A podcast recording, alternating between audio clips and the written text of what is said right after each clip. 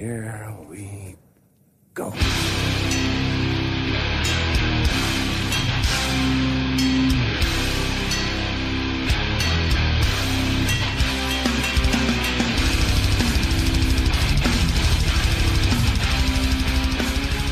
Lyssnar på Nere på Noll, en podcast om hardcore. Dagen är lördagen den 31 januari när vi spelar in det här och eh, vi försöker att eh, helt fokusera och inte snegla in i rummet bredvid där en halvnaken snubbe studsar runt på en scen.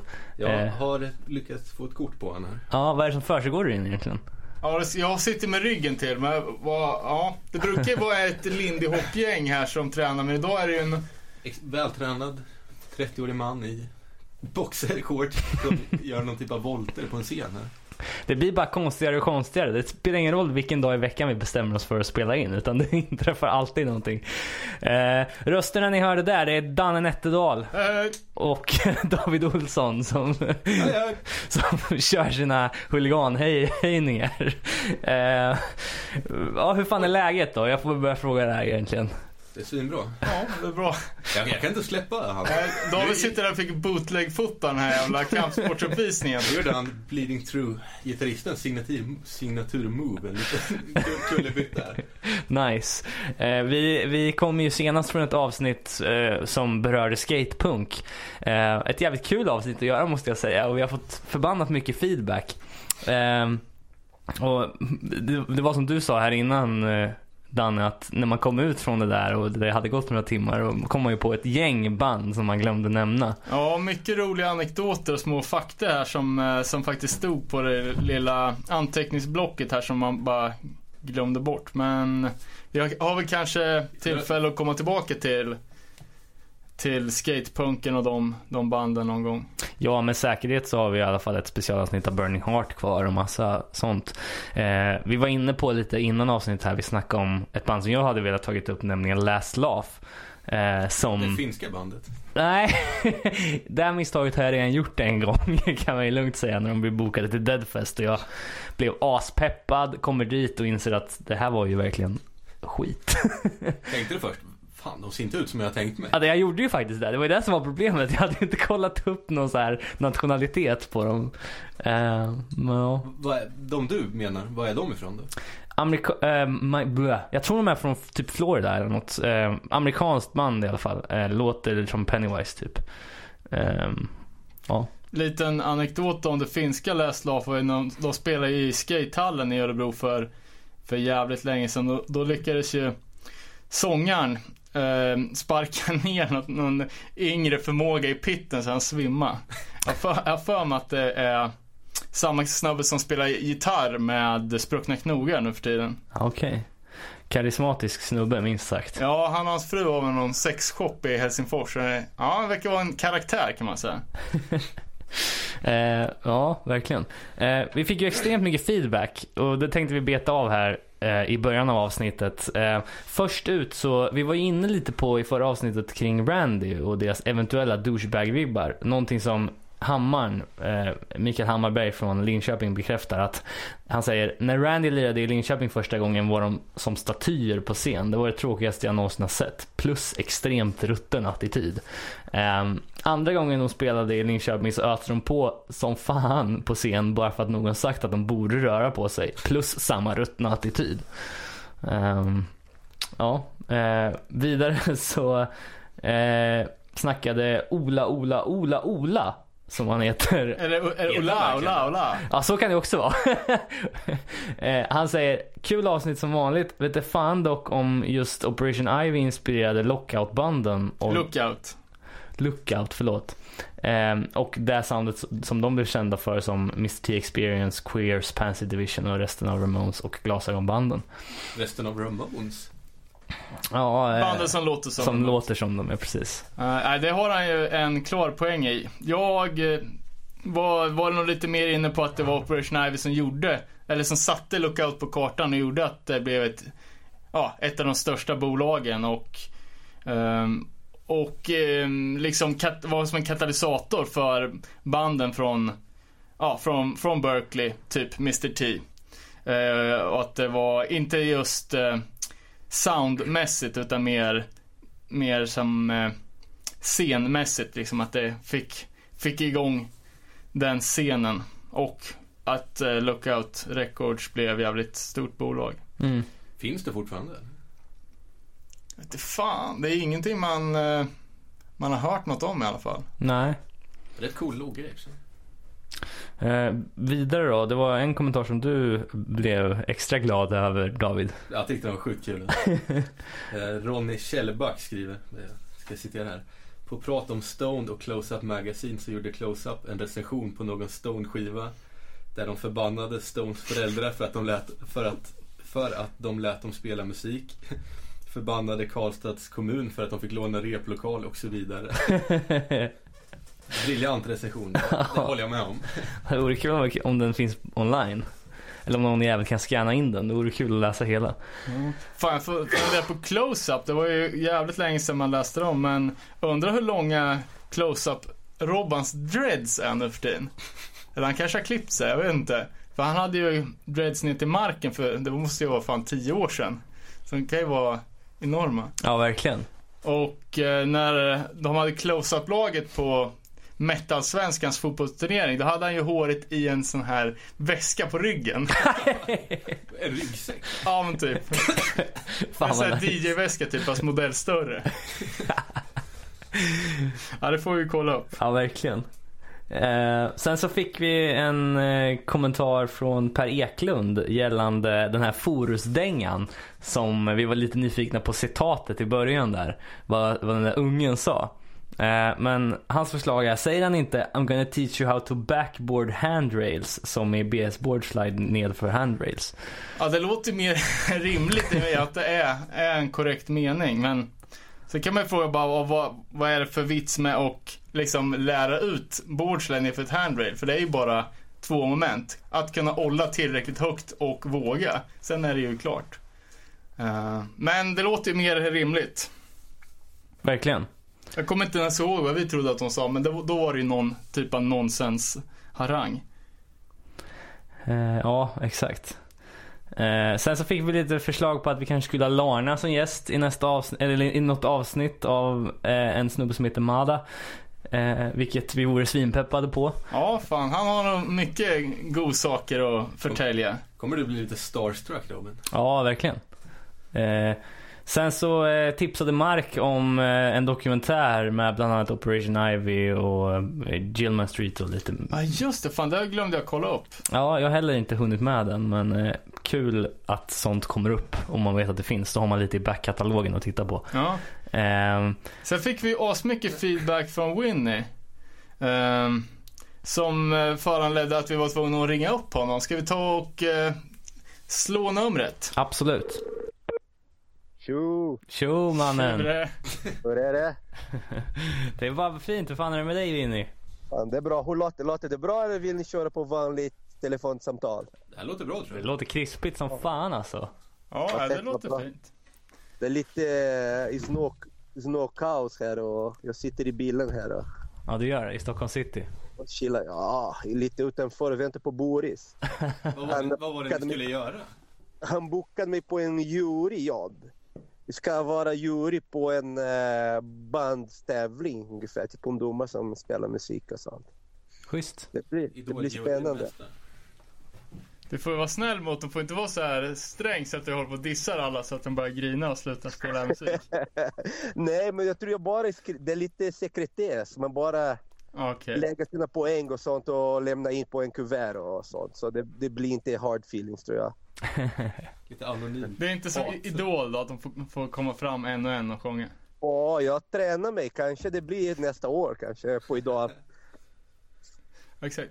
Eh, vad fan, eh, Robin, spelar vi in där eller? Ja det gör vi. Det rullar Okej, för ja, fullt. shit. Vad fan, det är official nu. Ja, ja, ja, för fan. Det är inga, inga jävla förvarningar här inte, utan... eh, Alltså, jag är jättenervös vet ni.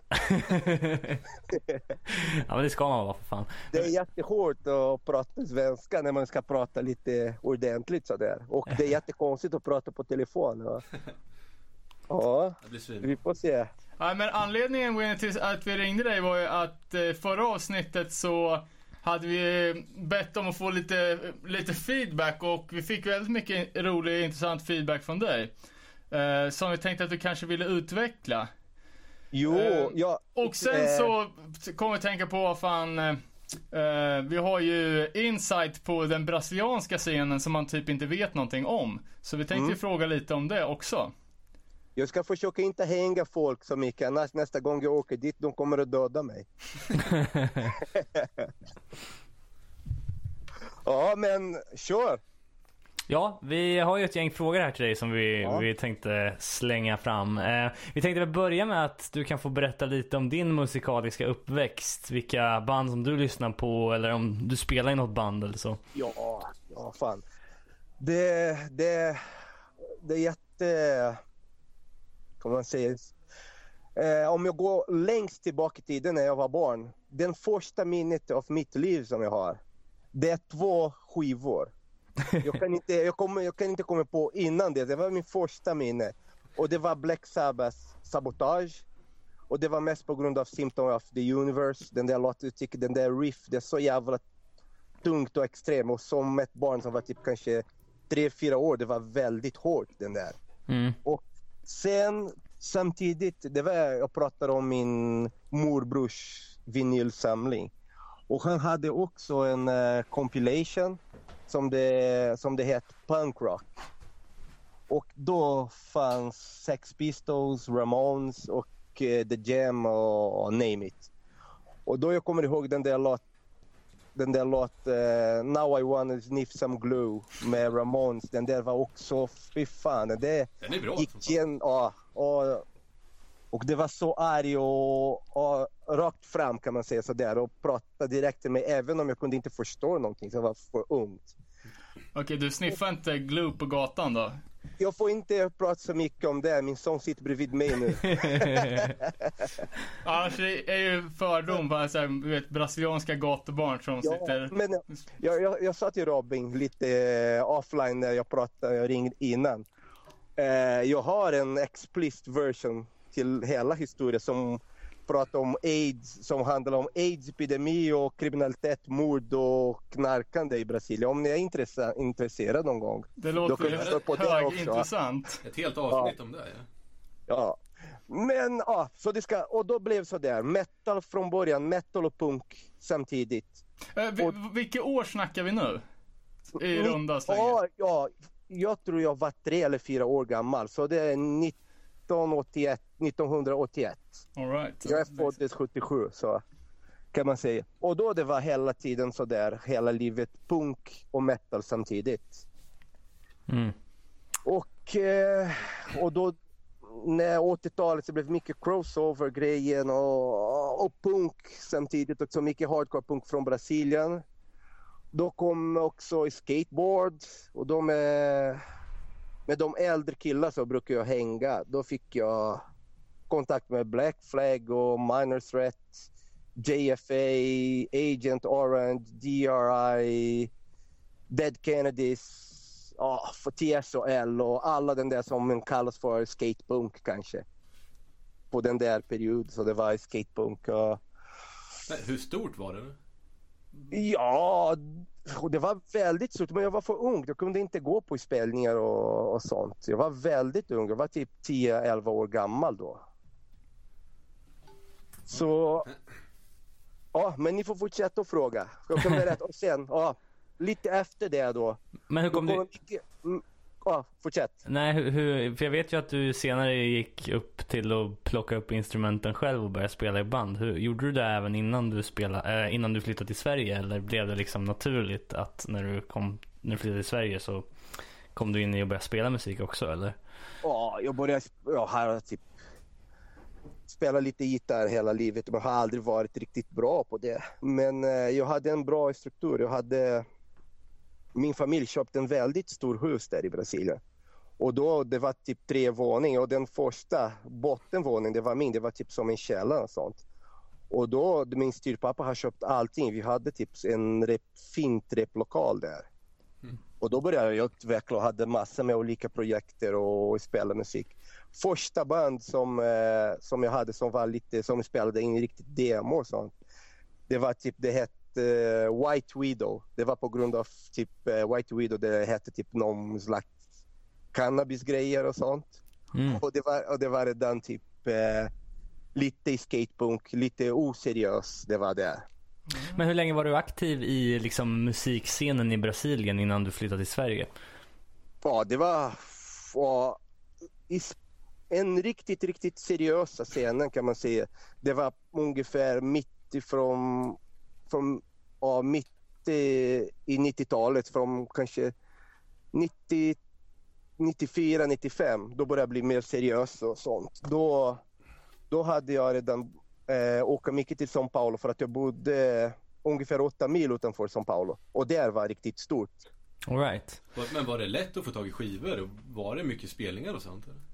Ja, fan skivor det, var, det har varit ganska bra. Vi hade massa med grejer som var typ släppt i Brasilien som var, jag vet inte, det var bootleg och det var license på, på riktigt men det fanns mycket att shoppa faktiskt. Men vad, vad, vad bodde du i för stad? Vad är, det, vad är det för storlek? Om man inte vet vad staden heter. Ja. Men alltså, Det, det man, eh, I Brasilien det är typ en mediumstad, det är inte så stort.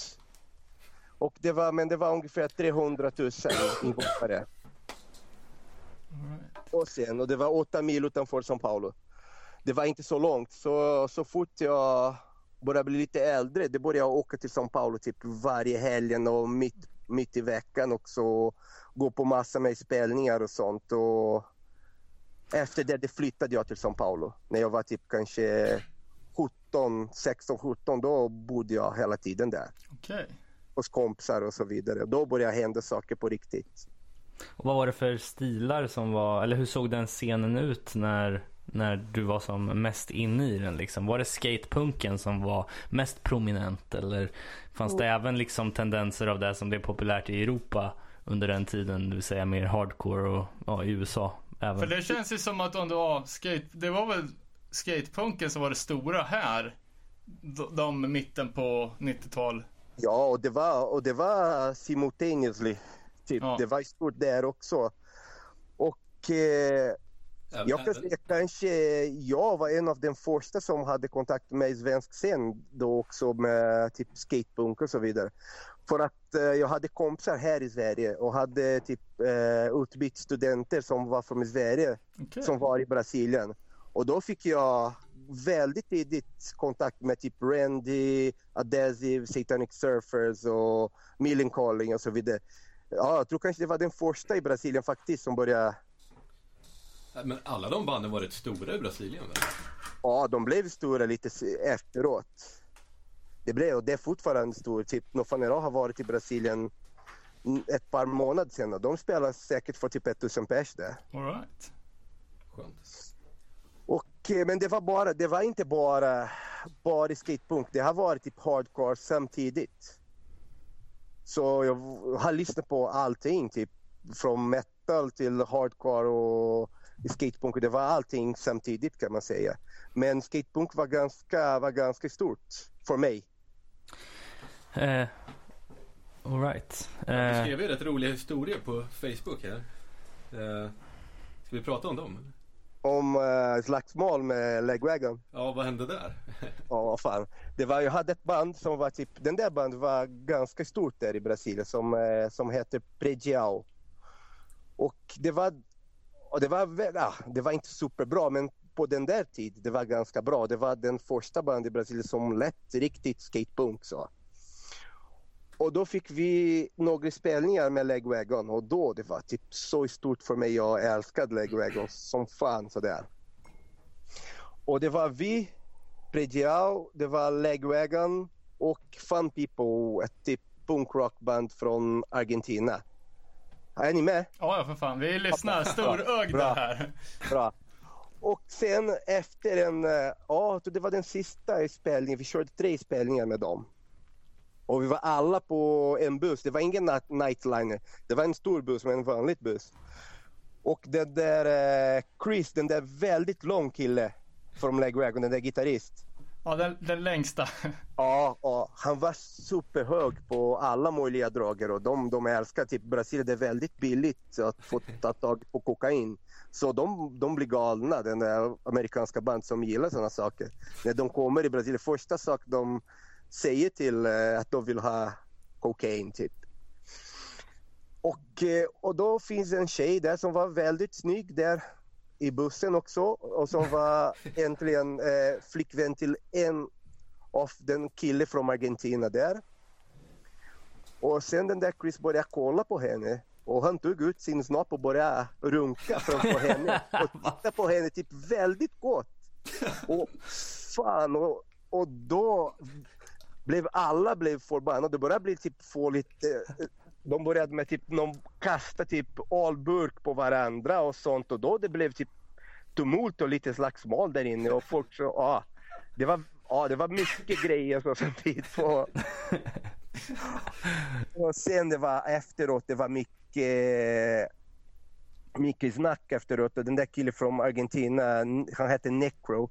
Han är sångare på den där band Fun People. Och då han började kalla dem för typ rockstars och så vidare och det var en stor, stor grej. Men det var, det var lite läskigt när det hände så där och var ganska, jag blev ganska besviken också på deras attityd. Ja, det kan jag tänka Ja, mig. verkligen. Men vad var, var det här mitt i turné också? Ja, det, ja, det var den sista spelningen. Ja, vad tur. Annars blir det lite stel stämning på Ja, bussen ja. kanske. Och eh, första gången Agud spelade i Brasilien, han var inte med, han var i fängelse. För att han hade typ tydligen kanske, ja det var lite rykte och inte säkert, men han hade slagit sin exfru eller någonting. Och, och då den där gitarrist som spelade, han eh, spelar med Foo Fighters idag som hette Chris Var han i No Use for a Name eller? Ja, precis. Samma kille. Ja. Och första gången de spelade i Brasilien, de, var super, de spelade väldigt eh, små spelningar och, och inte för mycket folk. Och de var jättetrevliga. Men den andra gången, det var, ja, typ, de spelade för tusen pers där också. Det var väldigt stort. Så de var lite rockstars faktiskt. Ja, Mm. fett. Eller fett, men jävligt spännande. Ja, eh, Ja, men sa, sa vi det att vi ska...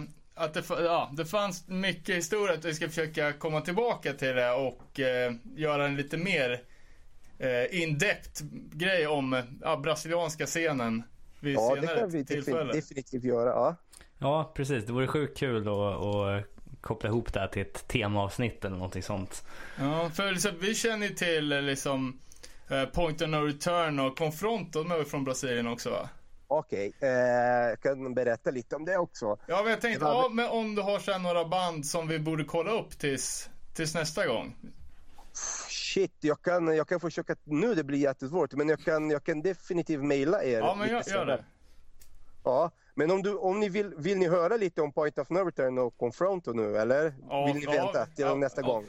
Ja, om, om det inte är några dåliga saker. Nej, nej, det, jag kan berätta lite, lite dåliga saker, inte så mycket dåliga saker. Det är inga runkhistorier i alla fall. Nej, ingen runk mer. De var lite mer PC. eh, Confronto, jag kände dem. De är från, faktiskt från Rio. Och eh, jag har hängt med dem ganska mycket. Jag, brukar, jag hade en flickvän som hon, hon hade familj i Rio. Då lärde jag känna dem igen där och hänga med dem där. De hade ett band som hette Guerrilla som var innan Confronto faktiskt. Det Okej. var samma band, de bara ändrat namn. Så jag brukar se dem live väldigt tidigt. Och de är, ja jag gillar dem. Bra folk. Ja, det är bra, bra band. Bra De har ju band. Ja. spelat flera gånger i Sverige va? Ja, jag har inte sett dem här. Jag träffade dem, jag tror det var i 96. Träffade jag dem i, jag kollade på en spelning faktiskt. De spelade där i, i Barcelona. Och så det var den sista gången jag träffade dem också. All right. Schysst. Eh, ja men vad fan, jag tycker vi får, eh, vi får återkomma till Point No Return och resten av de brasilianska banden nästa gång då helt enkelt. Så får vi för nu i alla fall säga jävligt tack så mycket för att du var med och så hörs vi framöver. Ja, fan, det var jätteroligt. Jag vet att det var totalt ostrukturerat. Det är jättesvårt att hålla en tråd men det är för att du har så mycket att berätta. Man blir nervös och peppad samtidigt. Jag men förstår. tack själv. Det var, ja, det var roligt. Ja, fan det lå- låter ju svinbra. Uh, ja, men stort tack för att du var med och lycka till med juryjobbet nu då. Åh fan, det blir... Ja, Ja, hälsa tack Simon också. Ja, ja, det ska jag. Hälsa Boris och... eh, och fan, ni måste fortsätta med den där podden. Det är riktigt fett. tack så mycket. Det gör vi. Det gör Vi vi. hörs Vinny. Ja, det gör vi. Hej. Ha det Hej. bra, tja. Tack så mycket Winnie får vi säga för eh, det där. Och vi kommer ju följa upp det här också framöver när vi får hit honom och köra ett riktigt avsnitt där vi göttar ner oss i Sydamerika. Och... Kan bli jävligt spännande. Man Ja. vet inte så mycket om det. Nej, verkligen inte. Och det fanns ju flera, flera intressanta grejer som han nämnde i, i mejlet till oss här. Så det kommer kunna bli riktigt, riktigt spännande tror jag. Ska vi gå vidare till vad som har hänt i veckorna sen sist? Ja, Ehm, i punk och hardcore-svängen. Framförallt då mest top of mind just nu är väl att Alive and Wellfest eh, har släppt sin lineup. Ehm, det går av stapeln 24 till 25 april på Ballsta musikslott i Eskilstuna. Eh, Heter det Ballsta? ja, Ballsta heter det. Och det är Acting Out Bookings som kör det här eventet tillsammans med Eskilstuna Hardcore. Eh, och det är väl en av de starkaste line-uperna på länge, måste ja jag det säga. var jävligt, bra. jävligt bra. Konsekvent bra lineup alltså. Riktigt, riktigt kul. Ska vi dra vad det var? Ja, vi kan börja eh, uppifrån och ner då. Eh, Bitter Taste of Life, först ut. Jag hörde Eh. att de sög. Ja, mm, kommer precis från ett rep och jag kan säga att det låter bra. Så att, eh. Tur. Sen har vi Ferocious, eh, som är från Gä- Gävle och representerar. Ja, såg du klipp därifrån när de har varit och lirat i Kiruna i, ja, i veckan kanske inte var, men nyligen i alla fall. Eh, De verkar tagga till rejält, så det ska bli kul. Eh, från Finland så kommer Forseen. Alltid bra. Kan bli fett. Göteborg representeras av The Hammer. Eh, Alltid bra. och eh, Norrlands eh, Håll det Äkta kommer också ner till Eskilstuna och lirar, vilket Det var Lose the Life sista spelning, såg jag också. precis. Varför då? Eh, ja, Är du kvar? eh, Just Life? jag kommer spela trummor på det här giget, ja. Du tar trummorna, okej. Ja. Eh, precis. Eh, sen får vi se vad vi kör med för line-up utöver det. Men eh, nej, alltså det är väl eh, som det är. Vi bor i, alla bor i en stad liksom. Så det är inte speciellt lätt att få ihop det. Eh, men eh, vi kom ju så långt så att vi var inne i studion. Jag la trummor till en ny sjua. Okej. Så det är gjort i alla fall. Eh, men jag tror inte att det kommer släppas. Tyvärr. Men är allt inspelat? Eh, nej, det är inte. Får släppa det med bara trummor och sång. Precis. En, eh, en härlig akustisk För jag är hardcore-platta. lite såhär integrity style, att folk får mixa in det. Precis. eh, vi följer upp med Insist från England. Eh, ursäkta. Eh, Lowest Creature från Örebro. Miles Ahead från Norrköping. Neighborhood från Stockholm. No Tolerance. No Tolerance? Det visste jag ju fan inte själv att de skulle spela. fan vad fett. fan vad fett. Det hade jag ingen aning om. Jag, jag hade bara sett nästföljande band på listan här. The Rival Mob. Eh, som Ja. Kommer bli coolt. Det är väl samma, No Tolerance och Rival Mob är väl lite samma band typ. Sångaren är med i No Tolerance i alla fall. Så jag antar att de eh, går man boka, boka det ena så får man det andra på, på rabatt i alla fall. Ja, precis. Fan, Miles, Miles Ahead så har jag fan ångest för att jag sa fel när vi pratade om dem sist, när jag sa Miles Away. Precis. Men det var bara för att vi har snackat så mycket om The Alliance som sjunger Miles Miles Away i en, i en låt. Jag skyller på det. Pinsamt. Sen så eh, kommer Repentance tillbaks med en ny sjua i bagaget. Är det någon som har hunnit lyssna på den eller? LP tror jag att det är. Ja, LP kanske det är.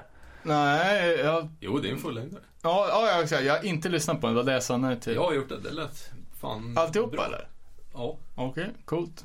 Ja, sen kanske Håll det Äkta har en nytt också på gång tills dess då, För de är väl inne och s- ska spela in eller gör det nu? Ja, i mars har vi Mark sist vi snackade med han, så har jag för mig i alla fall. Ja, Ehm, det kan bli riktigt spännande. jag ska också nämna sista bandet på listan här som är Survival. F- från... Är de från England? Ja, typ Le- Leeds eller Manchester tror jag. Ehm, jag tyckte inte det var, jag lyssnade på första sjuan tyckte den var ganska svag. Men det är ju, de har en, en sjua till minst. Ehm, och folk verkar ju hypade så det kan ju vara läge att kolla upp det igen. Ja, ehm, verkligen. Ehm, men eh, ja, det blir en jävla fest helt klart. Det går att köpa förköp redan nu. Ehm, 200 spänn, det är ju fan ja, det, billigt. ja, verkligen. Det är två, två dagar också så att... eh, ehm, Nej. Ja, det, det, det kommer ju bli riktigt, riktigt jävla bra. Är inte det ganska litet? Jag har stått och funderat på det, vad det är för kapacitet. Ja, fast... Eh, Är det, det där inne där vi spelar? Ja. Ja, Det var precis. ju. Ja, fast eh, desto fetare. Alltså, eh, de, de, jag vet inte vad de har för kapacitet totalt, men de sa ju att det här kommer sälja slut. Eh, man kan köpa biljetter på aliveandwellfest.bigcartel.com. Eh, men ja, Och vi som har suttit och gjort reklam för den här festen nu borde ju få någon sorts gästlista. det kan man tycka. nej men, eh, nej men Styr, styr biljetter, det kommer bli packat där inne och kommer bli jävligt grymt. Verkligen. Mycket den här veckan känns det som. Ja, eh, Det är eh, ju två veckor nästan. vi kan gå vidare på, på, på listan. Ja, exakt. Ja, vi kan gå vidare på listan. Det var ju folk som hade efterfrågat en playlist med låtar som vi spelar i avsnitten. Eh, så att nu har jag skapat upp en playlist som heter Nere på noll. Den finns på Spotify på min profil, Robin SXE heter den. Eh, eller ja, gör den det? Den finns, den finns länkad på vår Facebook-sida i alla fall. Och eh, vi kommer försöka hålla den så uppdaterad som det går och lägga till låtar efter varje avsnitt. Så att eh, subscriba på den. Ehm, sen, Ja. så, sen så hade Steel Nation släppt en ny video till sitt eh, kommande släpp också. Ja, fan. Jag köpte och fick hem Steel Nations nya platta på kassett. Just det. släppt i Belgien från ett eh, nytt bolag som heter Kick Out the Jams som bara pressar upp eh, lite olika tapes. Eh, tyvärr var kvaliteten på kassetten sådär, så det svajar sig in i helvete mot, eh, mot slutet. Okej. Men skivan är ju rakt igenom pissbra. Den låten som videon kom på var ju jävligt fet. Ja. Bleak Lookout heter den. Tycker dock att det ser ganska skevt ut när han sjunger utan Ja. mikrofon. Alltså det är svårt att göra hardcore-videos utan att det ser lite lätt pajigt ut. Så är det ju. Men för jävla, för jävla bra låt. Verkligen. Eh, och preordern på LPn är uppe nu. Eh, och det är ju Harm Reduction Just det, jag kollade upp den. ehm, som släpper den. Och det har ju blivit någon typ av underetikett till Deathwish. Så preordern finns från Deathwish. Har du preordrat? Ja, för fan. Jag preordrade den och eh, nya Harmsway, Rust. Eh, 220 spänn styck blir det. Med frakt? Ja, Fy fan. jävla price alltså. När kommer nya Harm's Way? Eh, I början på mars. Det är samma datum, typ tredje, f- 53 tror jag på båda. Alright. Eh, lite besvikelse dock att eh, omslaget går i vitt. Jag tycker det skär sig mot hela Harmsway, eh, hela deras koncept. Men eh, den låten som ligger uppe är ju jävligt fin. De håller ner, ner tempot så det, det gillar jag. Sen hade vi eh, en ny spelning som blev annonsad. Det var nämligen så att Dog Eat Dog kommer till Motala i Boris regi. Eh, det är alltså deras 25 anniversary tour. Eh, Yes. som Sunpower Booking och JK presenterar. Ja, vad kul. Jag hade ju precis ehm, gjort mig lite lustig där på, på internet när eh, folk så, sökte band som lät, lät som Turnstyle och någon eh, sa ja, kolla upp Dog It Dog. Ehm, och eh, jag trodde väl att alla var ganska överens om att Dog It Dog är någonting som man i bästa fall skrattar åt. Ehm, Jo men det är lite som, det är som att lyssna på Stone då ungefär. ja, Mm. Men även fast Who's the King-låten faktiskt är bra, men jag vet inte fan, rap, rap metal med saxofon, det är, nej men det är lite samma kategori som, som, som de där banden. Liksom, Razzle Dazzle. det? Eh, andra maj, så att jag kommer ju inte vara där och inte ni heller förhoppningsvis om jag får som jag vill. När vi är på Gråsrock. Eh, men eh, det är Motala, 2 maj, förköp på tixter.se. Och det är 18 års åldersgräns. Så, ja. Fan kan vi inte klippa in lite Doggy Dog? Jag Jo. ska höra saxofonintro. Vilken låt? Who's the King? Ja, jag ska ta och leta på, här har vi den. Jag kör här nu då.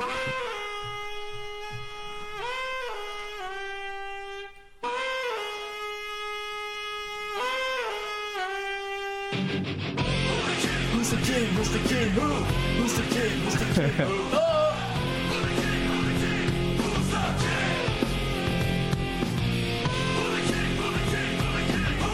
Det går ju inte att inte digga Men man gör det med ett leende på läpparna. Fortsätt.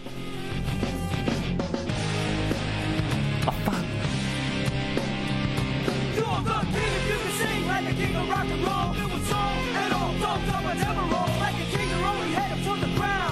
if you can sing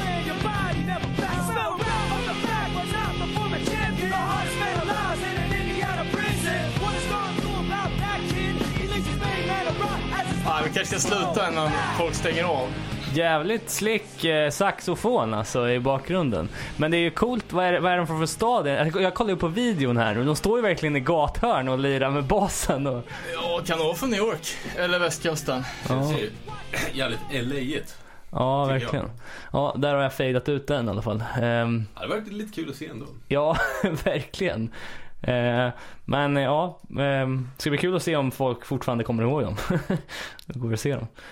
Ehm, Ja, det är ju det är som Turnstile, fast bättre. eh, Ja, jag, jag, Ja. Jäm, allvarligt? jämförelsen var så jävla klockren. Eh, ja, fan vad, vad sa vi mer? Jo, jag skulle vilja ha, jag har lite mer tankar kring eh, det jag snackade om sist. Eh, jag har ju sett fram emot Currents som fan med Atlas Losing Grip. Den skivan. Eh, och nu har jag verkligen fått tid att lyssna på den så här länge liksom. Jag har säkert, jag har 600 plays av den liksom på en vecka. Hela plattan. Ja. Den är vad var det, 70 minuter lång? Ja, eh, nej 66,6.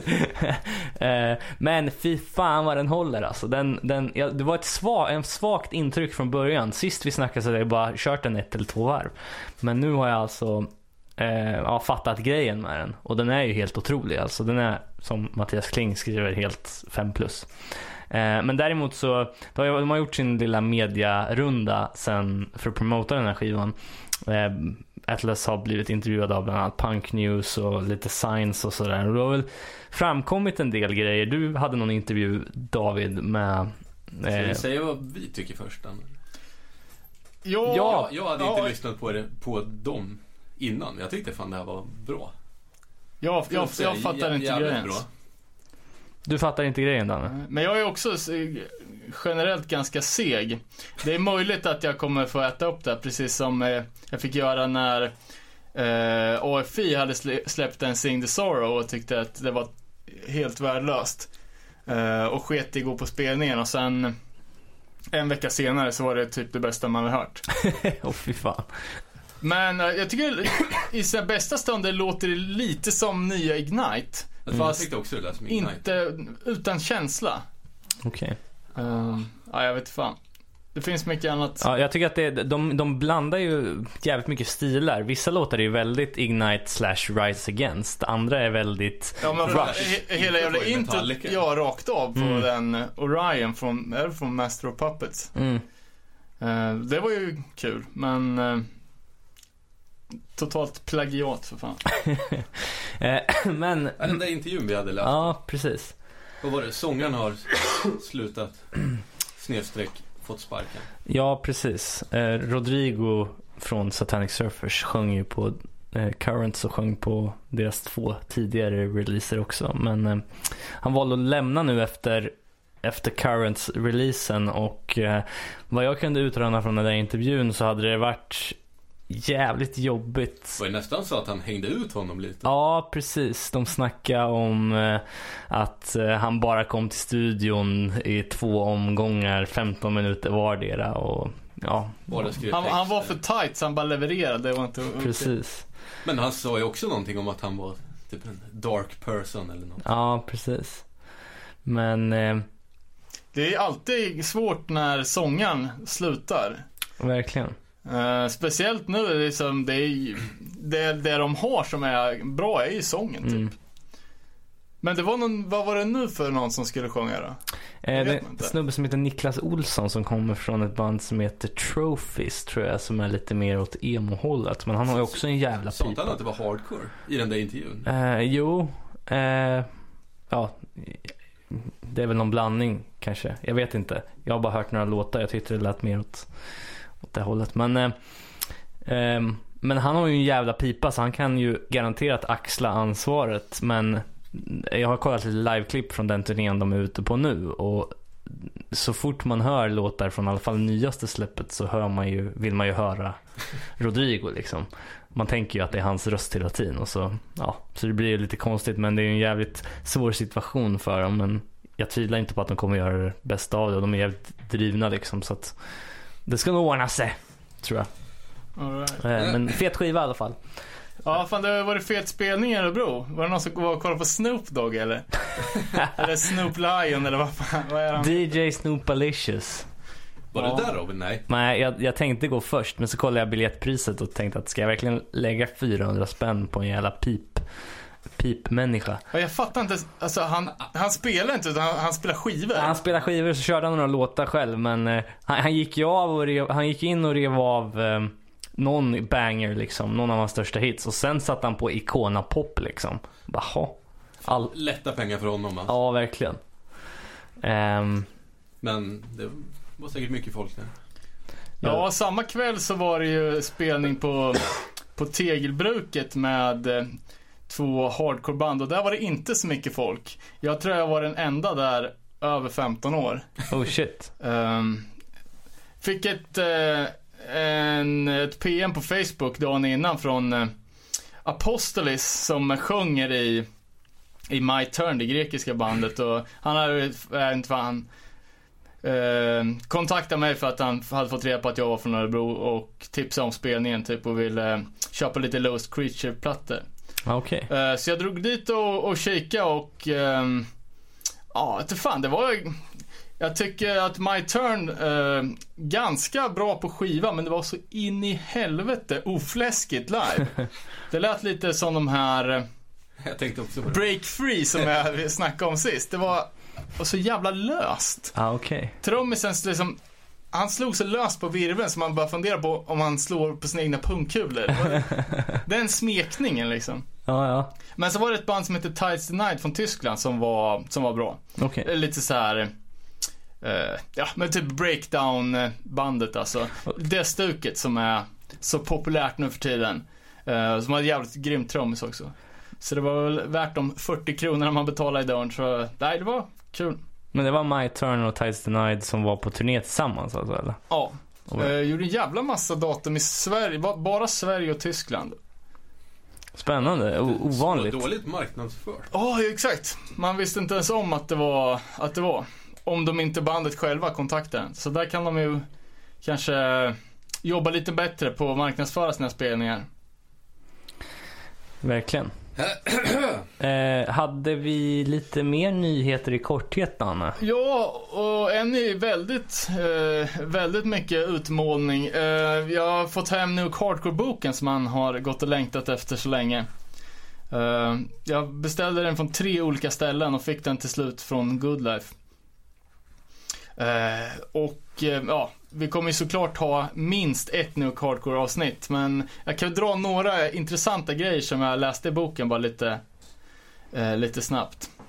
Eh, ja, under avsnittet om, det var väl egentligen eh, när de eh, avhandlade Urban Waste. eh, så berättade Vilka då? Alltså när, när- i boken. under boken. Boken är uppdelat i kapitel eh, om olika band och olika spelställen och lite så här. Eh, och då är det alla de som är med i boken, eh, det är ju typ 100 pers som uttalar sig om alla de här punkterna liksom. Och hela boken är ju 450 sidor med, ja det är mycket bilder men det är också jävligt mycket intressant innehåll. Eh, Men då en, en story då som jag tänkte dra, det är från det är Ron, Ron Rancid, också ett bra punknamn, eh, från Nihilistics. Eh, som berättar att han, han jobbar på, någon, på en parkeringsplats. Som fungerar nattetid som någon typ av lågbudget horhus. Eh, dit torskar kom med sina bilar och för att få i fred typ. Eh, och där så träffar han då eh, lite av de som jobbade där om man säger. Eh, och senare så träffade han då uh, David Sur- från Reagan Youth och, uh, och hans flickvän då som jobbar på den här parkeringsplatsen. Tillsammans med en snubbe som heter Joel Rifkin. Så de fyra som hängde ut. Och sen efter det så kom det fram att Joel Rifkin, som även jobbar på Brain Eater Records, som, som släppte Nihilistics platta den, att han hade åkt dit för seriemord på prostituerade. Och då hade också senare mördat eh, ja, Dave i Reagan Youth, flickvän då. Så, Wow, så riktigt mörkt. verkligen. Ehm, och lite lju- ljusare story då. Ja, vi får lägga på ett garv där om det ska bli något. Eh, under punkten när de snackar om A7-klubben. Eh, som var i den första generationen New Hardcore, alltså det stället som, ja där, där alla spelningar var. Liksom den tidens CBGBs kan man väl säga. Eh, och det som var lite speciellt med den här klubben var att de spelade så jävla sent. Eh, stället öppnade två på natten Var det och deras gi- gimmick eller? jag vet sent. jag, jag vet inte varför, men de, de alltså, det, spelning fem på morgonen eller sex på morgonen. Eh, och eh, vart lite skumt eftersom banden var så jävla unga på den tiden. Typ, eh, ja men Harley Flanagan spelade ju med Stimulators när han var 12 år. Och det var mycket så här 12-13-åringar som spelade i banden. Så då berättar Dean Igley som har spelat i Murphys Law och Underdog. Men han berättar att han spelade med sitt första band Child Abuse. Så han bara, ah, jag var ju jag var ju typ 12-13 när vi, när vi spelade på A7 och jag kunde ju inte vara vaken så där sent. Eh, vi skulle spela 6, 6 på morgonen, så jag var tvungen att ligga och sova innan gigget för att jag inte orkade vara vaken. um, så jä- jävla, jävla märkligt hur, ja, va- varför de hade gigs på, på morgonkvisten. Men Eh, bo- boken var värd eller? Ja. Jag har inte, jag har inte, jag har bara läst hälften. Ehm, det känns som att det finns mycket man skulle vilja ha mer stories på. Ehm, Doug Holland från, från Kraut och senare Chromax ehm, uh, börjar lägga ut lite en jävligt intressant konspirationsteori. Uh, ska jag se hur fan jag ska få till det. Men, eh, de släppte ju på ett bo- de, alla Kraut-plattorna är ju, ligger ju på deras egna bolag Cabbage Records. Eh, det kan jag också tipsa om, Kraut, An Adjustment to Society, LPn som är superbra. Det är melodiös nu hardcore. Um, mest kända för att um, uh, Siv har ju gjort cover på All Twisted till exempel, Mhm. från den plattan. Ehm, Ja, men det, det, det var liksom, den deras skiva var finansierad av någonting som heter IRS Records. Ehm, och då... Så, IRS record. ja, precis. För det är nämligen så att myndigheterna, det här är då enligt Doug Holland, eh, att eh, det hade börjat bubbla lite i underjorden. Att det var, det var liksom lite så här upploppsstämning på, på gång i, i New York. Eh, precis som det hade varit på 60-talet. Och för att förhindra det här så, eh, så gick myndigheterna ut med en deal.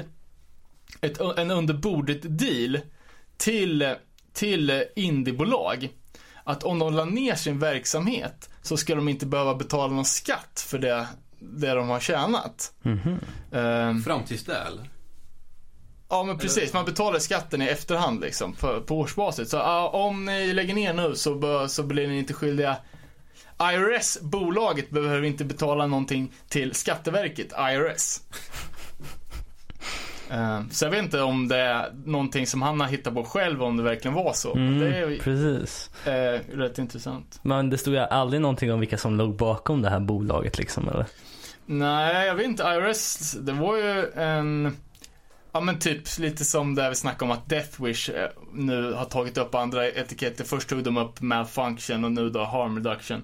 Men att IRS var lite som ett paraply. Mm. Men fanns det något mer? Något hard evidence på det?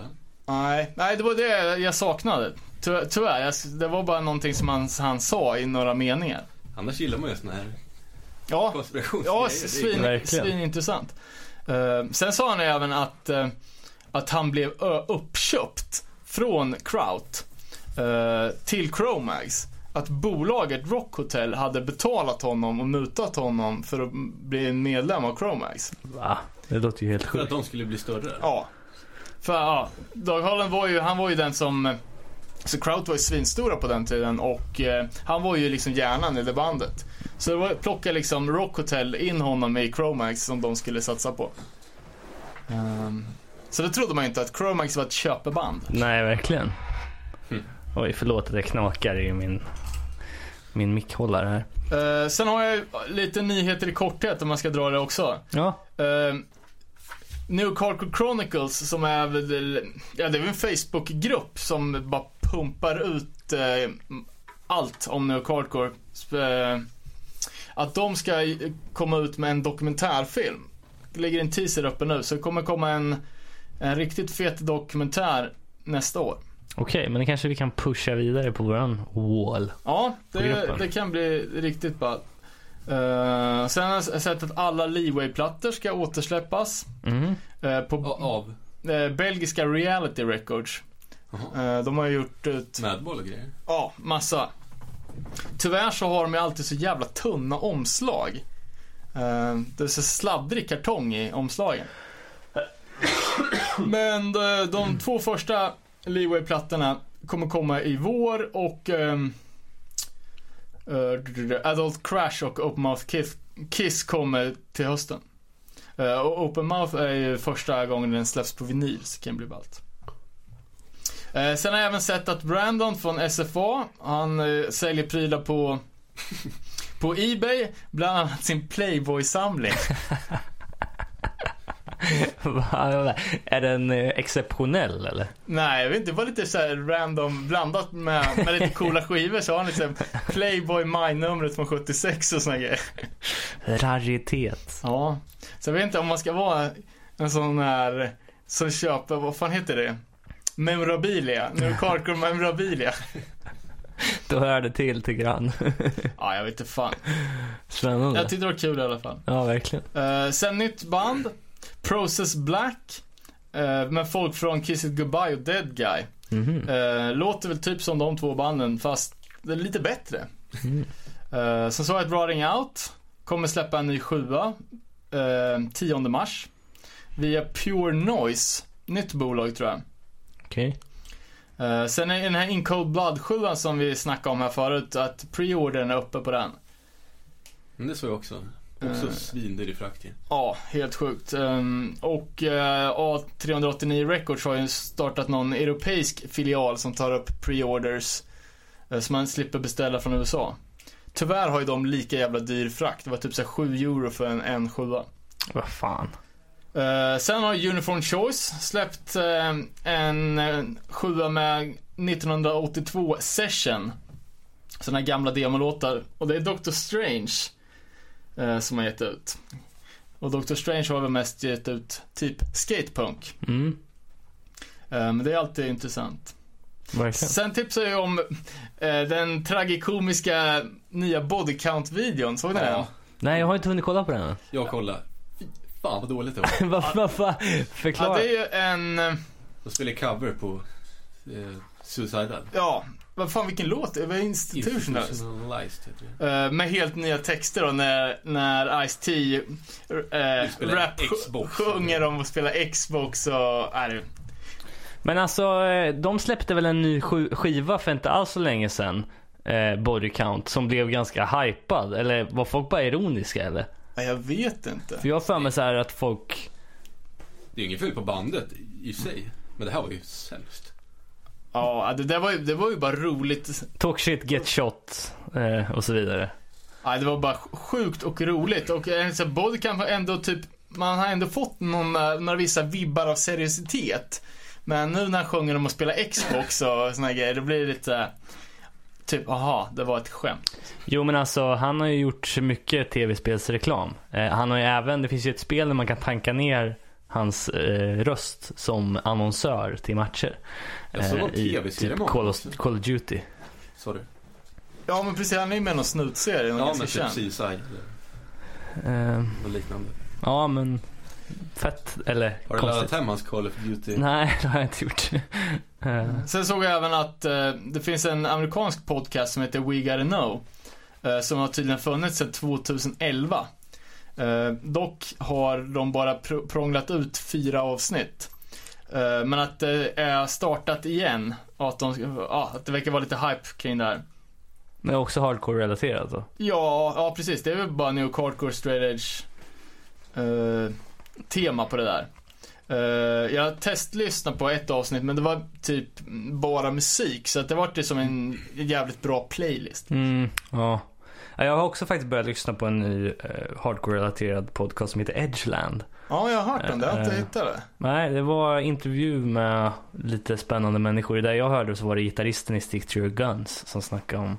Och han har ju även varit med i Casey Jones och sådär. Så att, Ja. ehm, ja, fan det måste jag men den kommer ut på veckobasis och är typ en och en halv timme. Så att, jag är ganska fokuserad så att det är ett tips.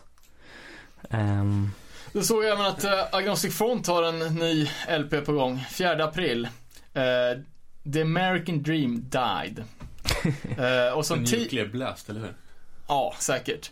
shit. Eh, och som teaser på det här så har de lagt upp uh, kommentatorspår till alla texter. Eh. Som att, som att det, det skulle behövas liksom. Det är ganska, Jag vill ha tabs till Stigmas solon istället. ja alltså det är inga, det är inga Bad Religion texter direkt.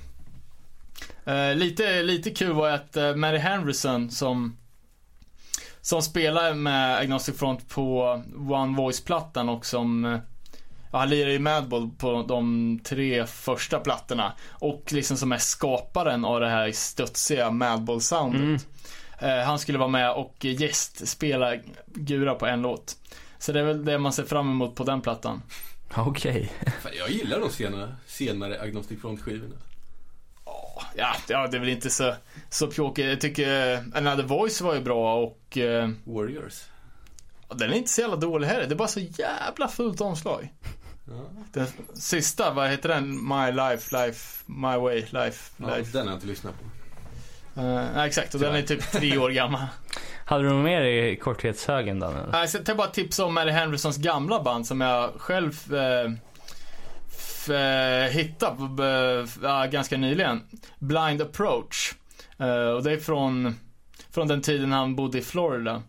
Eh, släppte två skivor, en 88 och en 89 som är rätt fett. Dålig sång men bra, bra låtar. Nice.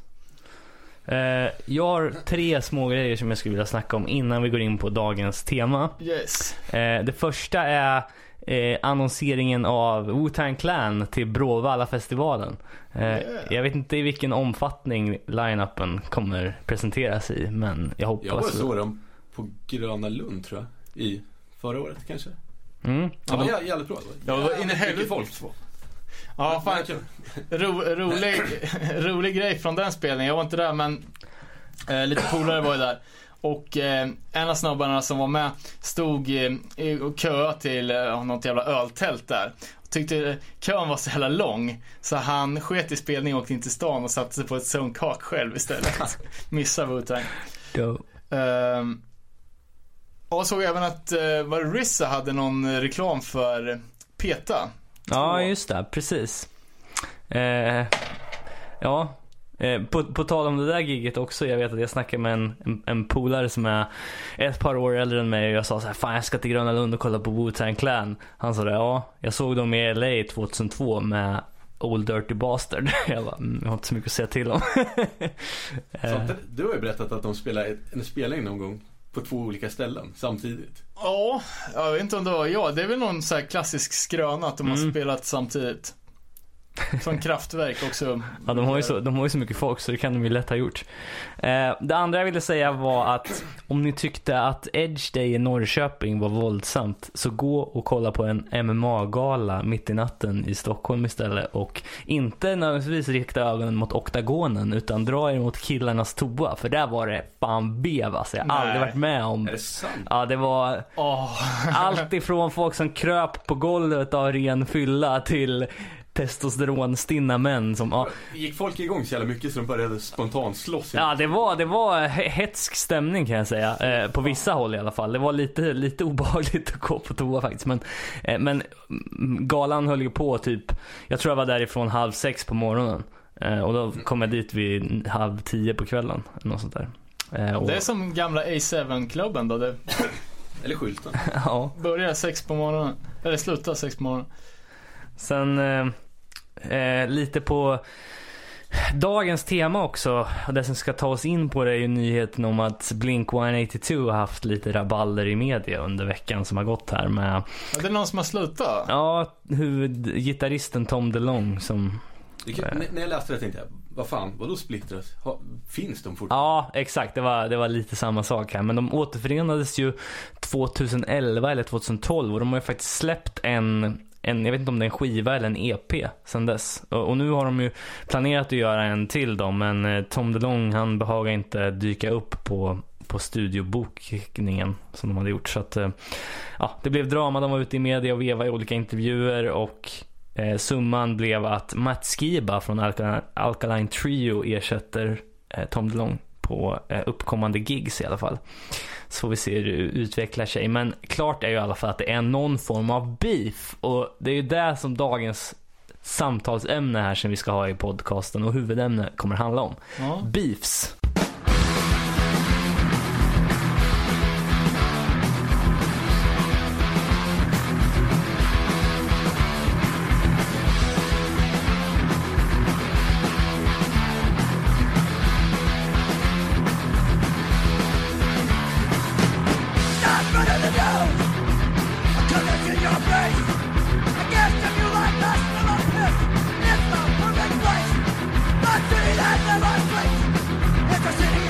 Would die. Not two days later, you're still there. Keep looking at the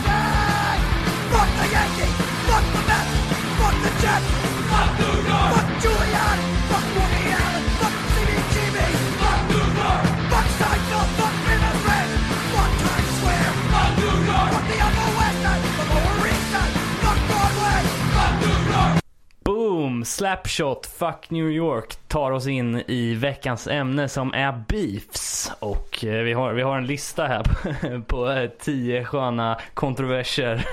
Jävligt bra den där låten dock. ja, Fan vad jag älskar Slapshot alltså. Helvete. Det kan inte ha landat bra den textraden Two planes later. And you're still there. Visst var det något? Visst gjorde Slapshot eh, Choke ritade en backdrop med typ två plan och två ton och så typ skrev Look to the sky eller någonting och hade på spelningar. Alright, det vet jag inte men Som också landade inte så Sådär. bra. sist där ja. Eh, nej men eh, vi, varför väljer vi det här ämnet då? Jo, därför att det är kul och eh, vi får väl eh, reda på en hel del om, om band som, som, annars, som vi annars inte känner till sidor av kan man Det säga. är ju någon grej, det går ju allt alla band, det är ju snack runt om. Mm, Då kommer det alltid upp sånt där. precis. Eh, Så nå- något intresse finns det ju. Ja, verkligen. Och det finns alltid någon jävla kontrovers att, att tala om. Eh, framförallt då, vi var inne här precis på, på Slapshot-låten New York mot Boston. Eh, som är en, en ganska stor grej i, i amerikansk hardcore, eller hur Danne? Eh, ja, det är väl ett, eh, ett klassiskt en eh, klassisk beef och som, som är, finns med i många låttexter och sådär. Eh, jag vet inte, själva beef-fenomenet är ju inte, alltså om man jämför med hiphop så är det ju nästan nästan en huvudingrediens att man ska liksom eh, beefa med varandra och eh, liksom battle rhymes och, och såna grejer. Eh, det är ju mer ovanligt i, i punk och hardcore-svängen. Även Det är om ett det... sätt att bli känd i hiphop. Ja, men, Typ att du dissar någon som är... Ja, det finns ju en hel vetenskap i form av battle rap som du säger. Ja. Eh, men alltså det har ju alltid funnits, jag menar eh, om man ska gå riktigt långt tillbaka så eh, Black Flag gjorde ju på den här deras andra släpp är väl Jealous Again 10 eh, så har de ju en låt eh, det är ju på, på den så sjöng ju Chavo som bara var med som sångare en kort period har ju en disslåt om Keith Morris som var första sångare eh, Låten heter I bet we, You bet we got something personal against you. Uh, fattar inte riktigt vad det handlar om men i texten nämner de ju att eh, typ att han har snott någon av deras låtar när han slutar bandet och sådär. Okej. Och eh, jag menar, eh, det finns ju band som har liksom byggt en hel karriär på att eh, beefa med andra. Eh, Hiphop-manér. Eh, ett band som heter Special Duties. Eh, som gjorde en låt eh, som heter Bullshit Crash. Eh, som, ja, som är en, en diss mot, uh, mot uh, bandet Crash och Crash. Crass. Och, eh, ja men som, som, det var när, typ här tidigt 82 när Crass hade gått ifrån det traditionella punk-soundet till, ja, det, det de pysslar med senare, mer det, konst, det konstiga Crass. Eh, och eh, Bullshit Crass vart ju då Special Duties, det var det, det är deras kändaste låt. Och eh, de, har- de har ju, skivomslaget är en rippad class, Crass-logga.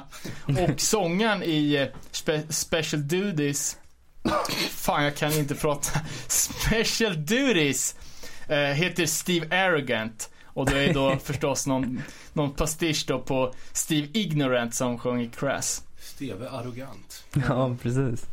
Och lite intressant då är ju att eh, Bullshit Crass-låten är ju i början en rip-off eh, musikaliskt då på, på Crass-låten Punk is Dead. Som i sin tur är en diss mot Clash och Sex Pistols. Mm. Ehm, Som i så, sin tur. Ja, ja, exakt. Så det är också en beef. Undrar vilken som var den första disslåten alla kategorier. Ja, säkert något, Mozart lackar på Wagner eller något. ja exakt, något, eller någonting som är trummat på någon stock i någon grotta.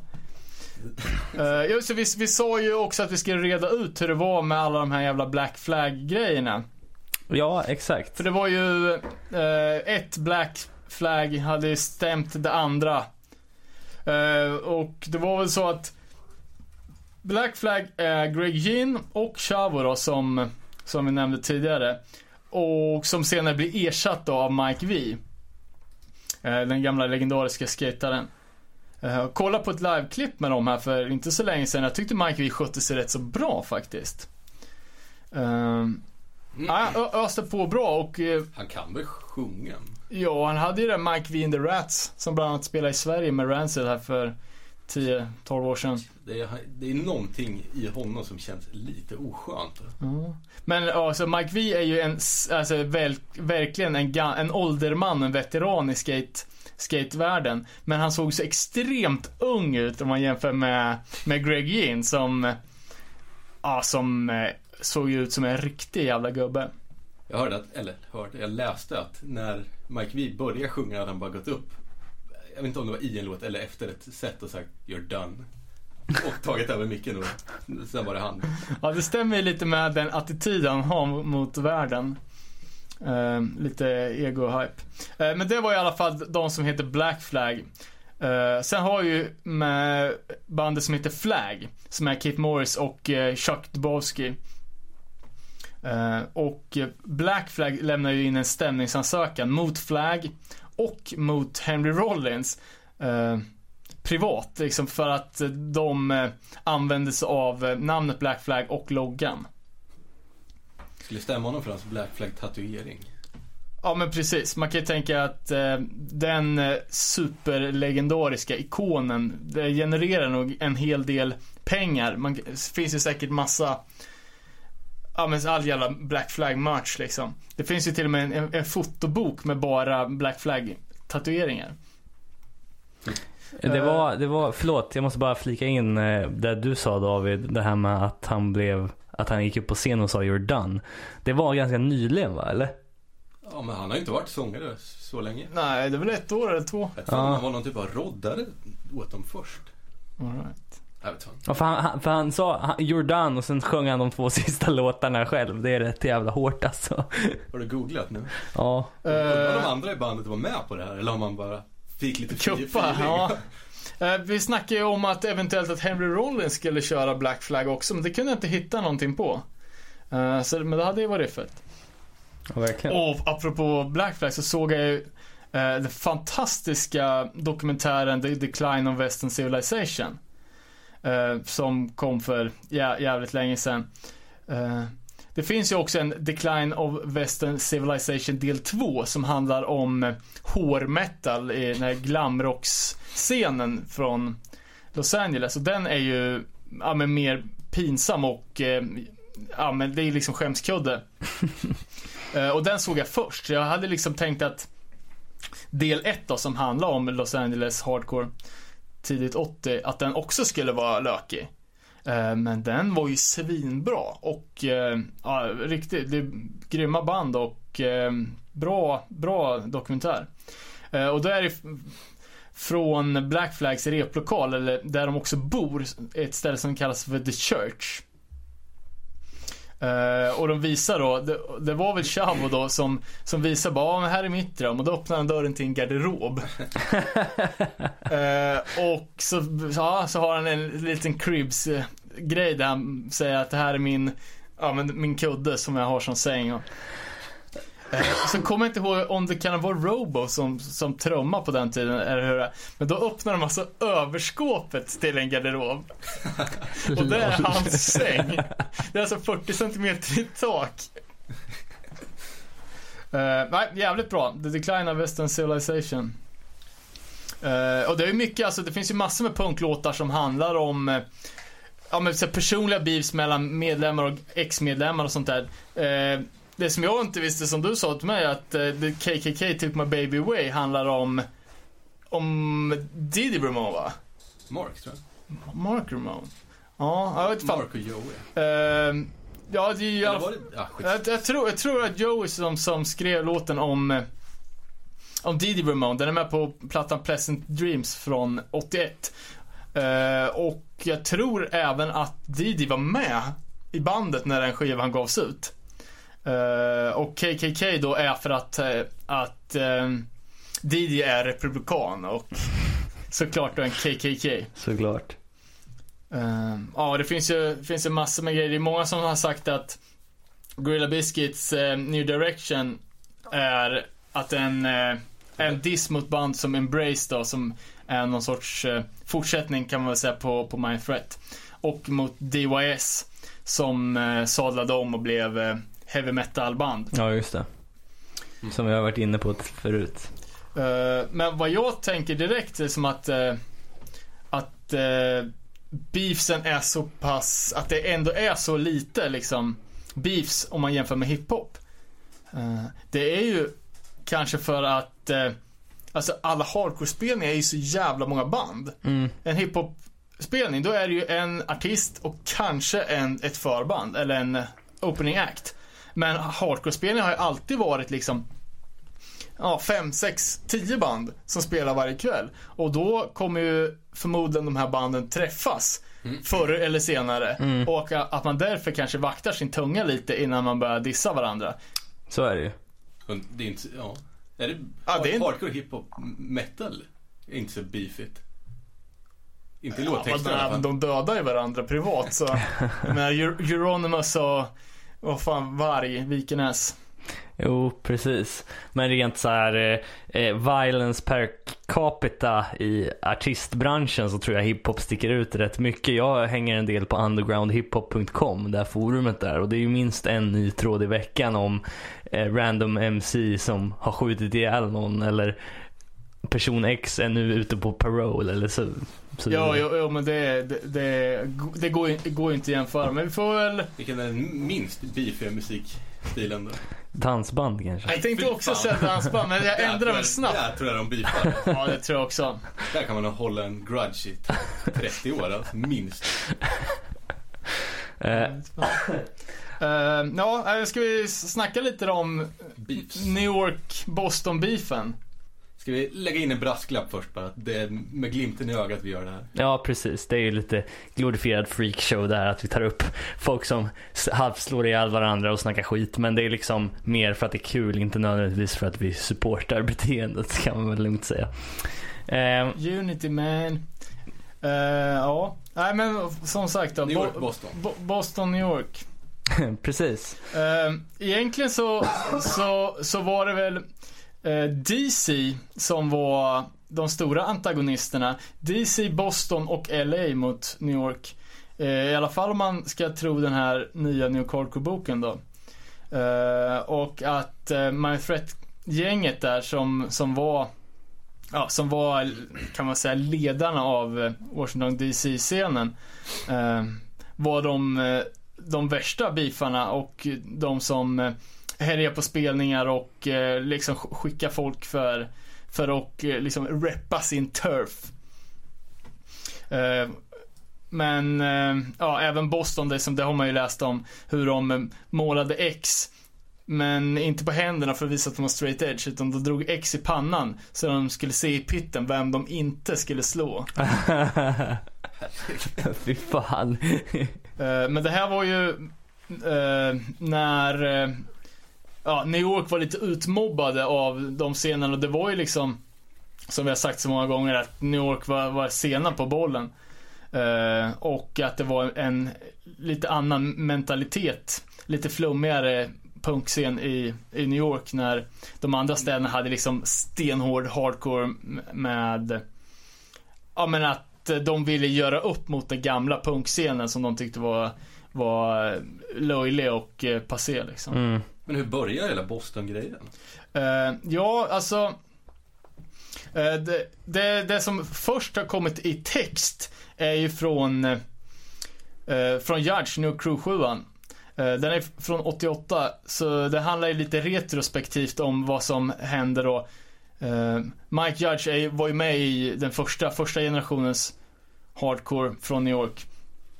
Och han sjöng ju i New York Crew-låten att eh, ja, men, Boston came around one night, push came to show and we were down to fight. Eh, och det är ju bara en, en, en textrad liksom. Eh, och innan det så säger de ju att, um, du vet, they got him down. Oh, vad fan, jag kommer inte ihåg. Men ten of us show guess who won liksom. Att de, att de hade spöat folk och sen att de antyder att de hade spöat Boston-gäng liksom.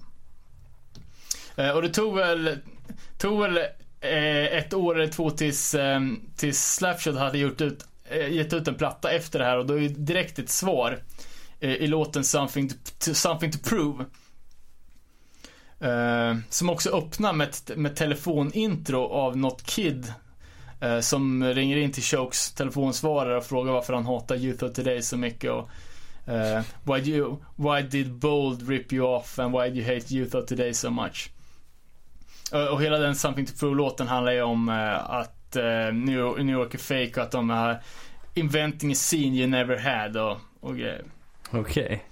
Eh, men det räckte tydligen inte för på, på plattan efter då, 16 Wall Hate så har de ju två låtar som handlar om, om New York. Först den här 108-låten som, som mer är inne på Krishna. Och framförallt då Ray Capo. Eh, men ja, vi antar att övriga Krishna som var en väldigt stor del av New York-scenen på den tiden. eh, får ju också en, en dänga då.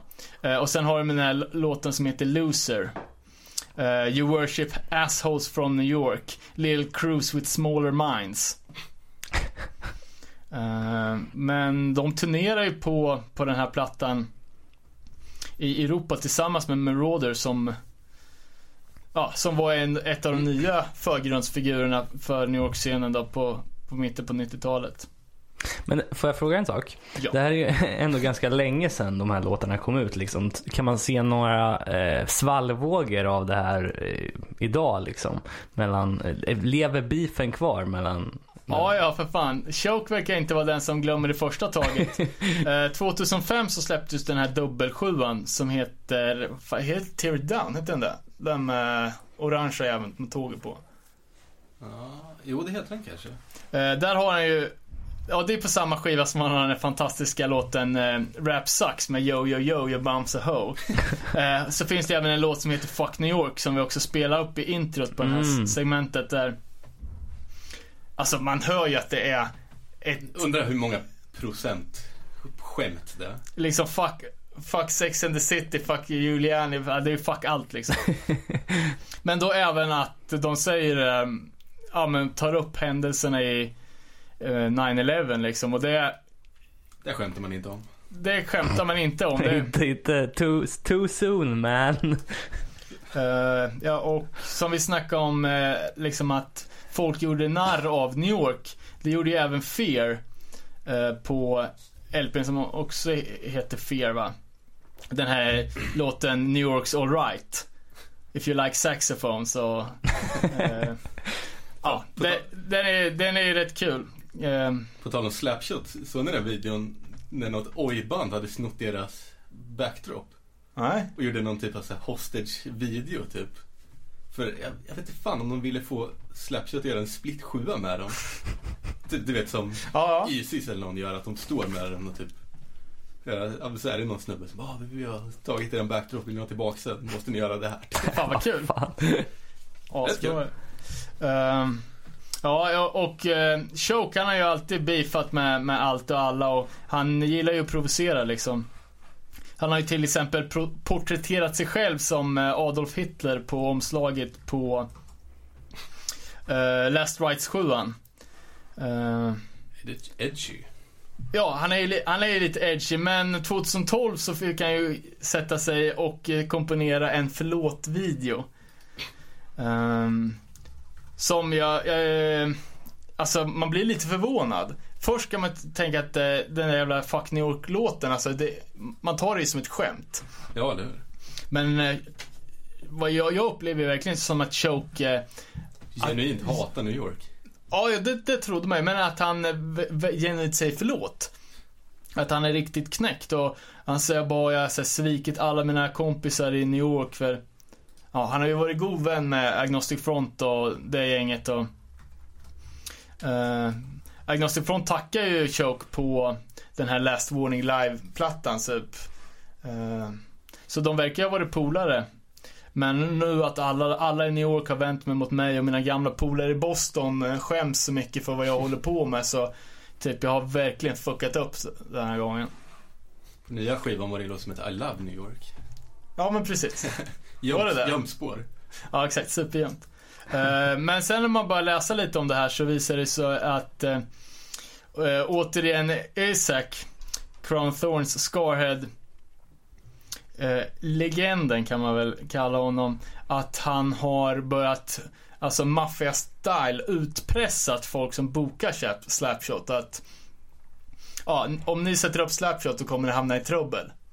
Eh, så, och framförallt gjorde det att, att Slapshot inte kunde turnera i Europa för det var typ ingen som vågade sätta upp Slapshot. Eh, och att det ska då ha någonting att göra med att, att han var tvungen att eh, göra en riktig offentlig ursäkt. Åh oh, fan. Eh, ja. Isak Bifar har vi ju ganska gott om. Ska vi ta något annat i, emellan? Ja, jag skulle bara vilja sticka in med en grej här när vi ändå snackar om New York. Det är ju eh, eh, en snubbe som vi har nämnt tidigare, Rick Talife, som skjuter ganska åt alla håll. Ja. Eh, både mot Wisdom in Chains, Madball, Fury of Five eh, och har gjort så. Men han fick ju svar på tal där när eh, Stickman gick in och dissade honom eh, för två år sedan. Rapvideon. Ja, precis. Men som sagt, det är ju lite cheap shots när man går mot Rick Talife, men eh, Ja, jag läste också en eh, Integrity Rick Talife beef som jag inte kände till. aha. Eh, också, det är ju skrivet med enbart versaler och eh, med Ricks extremt konstiga grammatik. Yo, yo, yo. Eh, det, när han choppar upp ord mitt i liksom och, och, och punkterar, eller sätter punkt liksom, ja, flera gånger i samma mening. Da istället för dö. Eh, Men kontentan var, av det var att eh, eh, både 25 to Life och eh, Integrity hade spelat i Belgien. Eh, och att någon snubbe då uh, ja, ja men alltså för både 25 och Integrity turnerar ju jävligt mycket uh, mycket i Europa och var väl ja, frontfigurerna plus inhyrda europeer. Så det var en snubbe som hette Matt Brewer som först hade spelat med 25 to Life. Och Rick beskriver honom som, ja men typ som my brother. Ja, jag känner hans familj och Eh, och när, när den här snubben då, Matt, hade börjat spela med Integrity. Eh, så hade de giggat ihop eh, och då sägs det då att han och de andra Integrity-snubbarna hade gått ut och trashat eh, 25 to Lifes van. Eh, och då kräver, kräver Rick Integrity på 900 dollar. Och hotar ju då med, med stryk och jag hade, jag hade plockat er allihopa typ. Om det inte varit för att de eh, som spelar i Pulling Teeth bland annat och som har A389 Records. Att det var han som hade satt upp den här spelningen då och att eh, eh, att eh, Rick inte ville sabba hans spelning med att gå in och ja, men, göra slakt av Integrity. Så nu, nu vill han ha sina 900, 900 dollar. Men det måste vara ganska nyligen det här va? Eh, jag har ingen datum på det, här, bara något som jag stötte på. Men För- ja, det var väl ett tag sedan uh, Rick Life fick vara ute i Europa. Samhället. Ja, alltså det jag läste, eh, det var ju slutet av 2013 när han gjorde en eh, bloggpost, typ så här. Big news, 25 to life has a new CD in the works, coming 2014. Och där han slänger ut lite song teasers. Där han bland annat säger Ja, det här är en låt som heter New York Hardcore när han nämner Wisdom in a cockring, Scabby Sadball och sen säger han att han heter Freddy Sadball eh, och sen säger han HC Fake, Fury of Nerds kallar han Fury of Five eh, och sen så, så säger han i slutet här And a bonus track, Sick of it all is whack, Earth Crisis Rules, Integrity 2. Eh, så att, ja. Ja, han skriver också i det här brevet, eller inlägget, eller om det är hans Twitter, jag vet inte, att musikaliskt så, så dödar ju Integrity allt i hela världen, men som personer så är de beyond lame. Liksom. Okej. Men ja, vi har ju sagt det förut att eh, eh, att prata om Rick och hans, eh, hans stora käft är lite av Lytes komik. Ja, jag börjar garva här nu. För jag läser han har skrivit Mad bookings of Berlin, Germany. Welcome to the Walmart of hardcore booking. ja, förlåt, det är ju skitgammalt det här men det är ju ack så roligt. Ska vi, ska vi gå vidare till något mer, mer hemtamt eller om vi känner oss klara med den beefen? Ja, visst. Eh, vi har ju eh, Refused på listan här också. Eh, Refused som i början av förra året var det väl var i, eh, i media när de... Bi- Beefar till höger och vänster. Ja, precis. Men här senast med gitarristen som eh, eh, snackade om att en skiva hade varit planerad och att han inte fick ta del av några profits eller vad det var. Eh, sen deras reunion. Ja, det är mycket, mycket interna beef, så vi fick ju lite tips på eh, Ja men på att den här Refused-boken som vi snackade om i Umeå-avsnittet, att det var rena rama Some kind of monster. Men jag, jag fick inte riktigt den uppfattningen att det var så mycket interna. Men kanske var jag som inte orkar läsa hela då. Men, Mm, mm. men det är ju ett band som, som väcker många känslor. Det är mycket folk som har, har dissat dem. Och Refused själva är ju inte, de skräder ju inte orden. De är ju, de gillar ju att eh, uttala som både det ena och det andra. Vi fick även tips av Marcus Kjellman här på Facebook om eh, DS13-låten som heter David Sandström i Refused är en kukskalle. Har ni hört låten? Nej, men Sjukt bra fall. Subtil, hur, hur, subtil diss. är det någon som har texten eller? Nej, gissar att refrängen går som titeln. Förmodligen.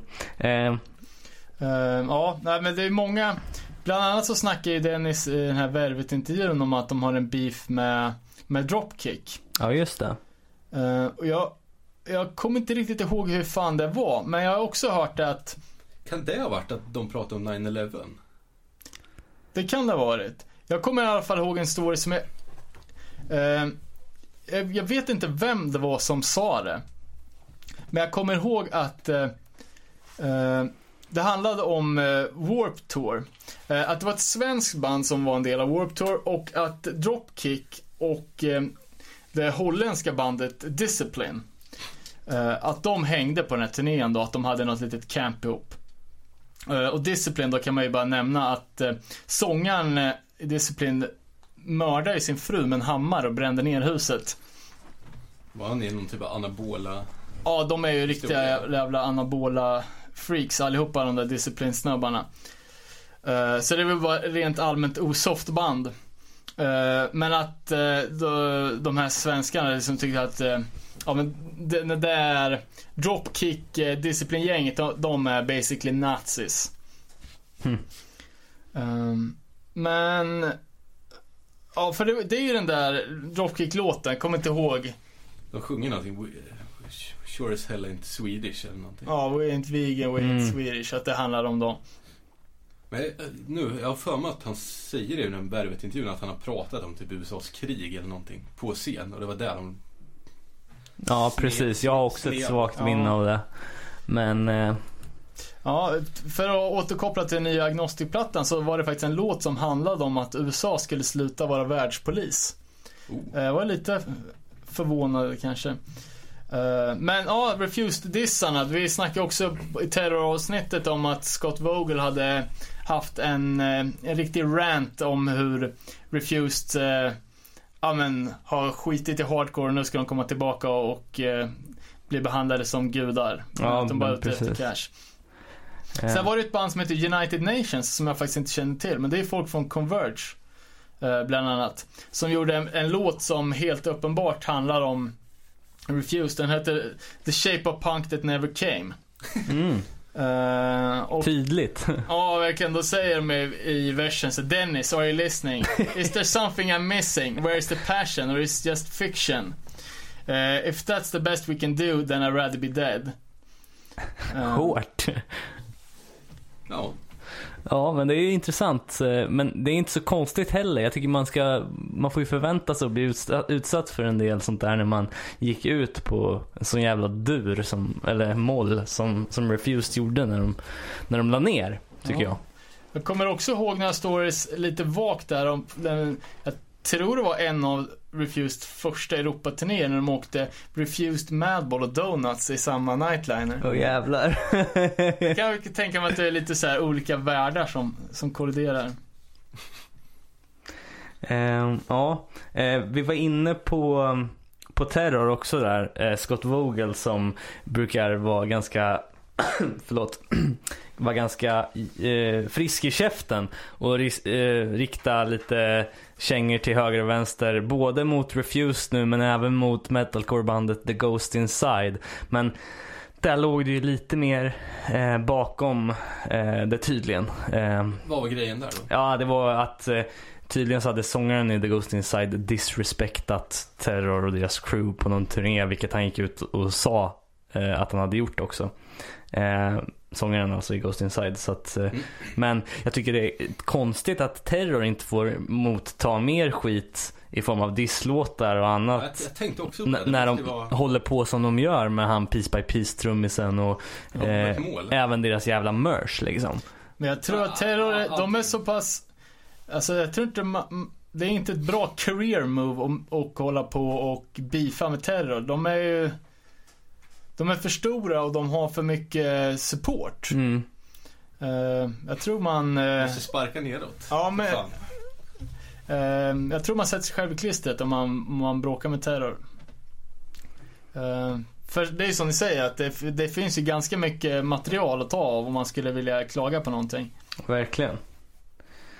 Eh, men, ja, hade vi något mer på Refuse där eller?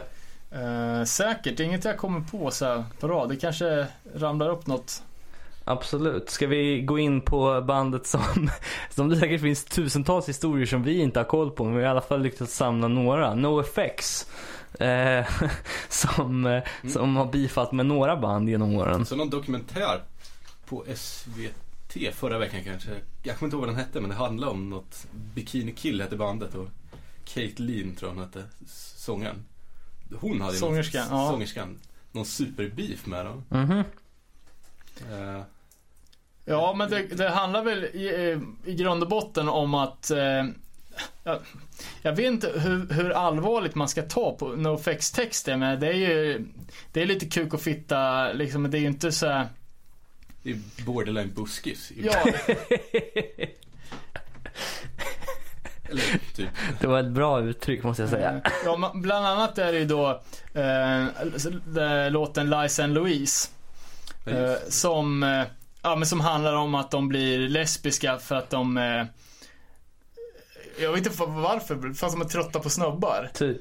Säkert. Eh, De skrev väl massor låtar fram och tillbaka där de typ dissar varandra. Jag har för mig att det var lite små roliga texter också. Ja, jag kan tänka, jag kommer inte på vilka NoFX-låtar det handlar om, men de är ju alltid roliga så Jag har för mig att hon hade någon textrad som var typ I shit on your linoleum Ja floor", men precis, alltså det, det, eh, det börjar ju, hon är ju sångare i något band som heter Le Tigre eller något sånt där som är någon jävla, det är någon pop. Men Den var låten, ganska bra den dokumentären, kan jag nästan rekommendera. ja, Eh, Hon var också gift med någon i Beastie Boys. Det var lite otippat. Okej. Ja, hon, hon, alltså NoFX dissar ju henne i någon låt eh, som heter Kill Rockstars. Där de sjunger typ så här Kill the Rockstars, how ironic Kathleen you've been crowned the newest queen. Ja, men just det, det är ju på den uh, So Long skivan väl? Ja, precis. Det är något sådär Can't change, change the world by hating men. Sjunger de också tror jag. Ja, okej. Eh, Ja, och och, och Kill the Rockstar, det är också för att deras... Uh, Kathleen Hanna, jag tror de har ett skivbolag som heter precis. Kill Rockstars. Eh, men att de själva är eh, ja, men jä- jävligt f- flashiga för att vara punk. Det, var, det är väl det NoFX tycker att de beter sig som rockstars. Ja, Precis, och som ett svar på det här så skrev hon låten Decepticon som kom på Le Tigres första album. Eh, där hon sjunger då precis som du sa, Your lyrics are dumb like a linoleum floor, I'll walk on it, I'll walk all over you. Det är ändå ganska snälla dissar. Ja. Ja, det är verkligen. inte hiphop eh, Det är inte I'll, I'll come over to your ho- house and fuck your mother eller något sånt där som det brukar vara. Jag tror inte de gick med skyddsvästar efter den här beefen. Nej, precis. Ehm, sen så hade de varit ute och vevat lite, även NoFX, mot um, uh, Underoath och eh, kristendom generellt. Ehm, Ja, det var ju också på... Underoath verkar dock vara stolpskott av rang. Alltså, ja, jag vet inget om- dem. Eh, men det var ju de som, de hade spelat ihop på Warp Tour återigen. Och NoFX hade dissat dem på scen. Ja, precis. Han gick upp och sa Most bands on the Warp Tour this year really aren't that good like Underoath, not that good. We don't care about our fans, we just want to offend as many people as we can. If you are Christian or believe in God like Underoath, I would leave right now because I'm trying to offend as many Christians as I can. The song Idiot Son of an Asshole was later dedicated to God. Vilket låter som Fat Mike. Och de droppar ju faktiskt av Warp Tour efter det här. Underoath. Ja, Underoath vill inte vara med längre. Nej. Jävla sandlådenivå. Ja, det är ju det. Ja, fantastiskt. Jag vet att NoFX har ju även i ett skivomslag och har ju typ eh, Fuck that shitty band boycott från Holland. Ja, Bara som en liten eh, liner note. Vad var den grejen att de... eh, Var det någon festival i Tyskland som Manowar åkte in på motorcyklar och de åkte in på moppar? Ja just det. Det är rätt det kallas inte motorcyklar för Manowar, det kallas för Horses of Steel. Är det så? Ja. Moppar då? Ja men exakt att, att de hade spelat typ dagen efter, efter Manowar, då hade hade de fixat moppar som kunde rippa deras scenentré. Det är fan rätt smart alltså. Hörde även att eh, någon gång när, eh, det var, ja, någon i bandet som hade eh, var gitarristen som hade ont i ryggen så hela spelningen lirade han liggandes på en soffa som han hade burit ut på scen. Det är ju... Undrar om de- undrar hur NoFX är som personer? Ja. Svårt att säga alltså. Jag ber om ursäkt för att jag hostar men jag skulle säga det att eh, om du vill veta mer om hur de är privat så kan du alltid kolla på det där eh, den där MTV-serien som gick för några år sedan. Vad fan den nu hette? Road to någonting. Det var en så här ehm, eh, hemma hos-reportage Ja, hos... men då, då vet de ju att de är filmade. Det Ja. känns som de försöker vara roligare. Ja, i och för sig. Men eh, Men vad fan, vi får lämna det. Vi har redan fått lägvägen förstörda. Fan inte gå vidare här. ska vi gå in på eh, Earth Crisis kanske? Ja, Earth Crisis har ju jag vet, jag vet inte, Earth Crisis har kanske inga uttalade beefs med något speciellt band. Men alla har ju beefs med Earth Crisis. Det är så? Eh, ja, jag vet inte vad, riktigt var vi, vart vi ska börja. Finns Jag kan säga direkt, jag hade ingen koll på, på nå- någonting av det här sen innan. Eh, Jag glömde ju säga det i ett avsnitt. Eh, Totalt jävla mörker har gjort en låt som heter Karl Buschner. Går inte på asfalt.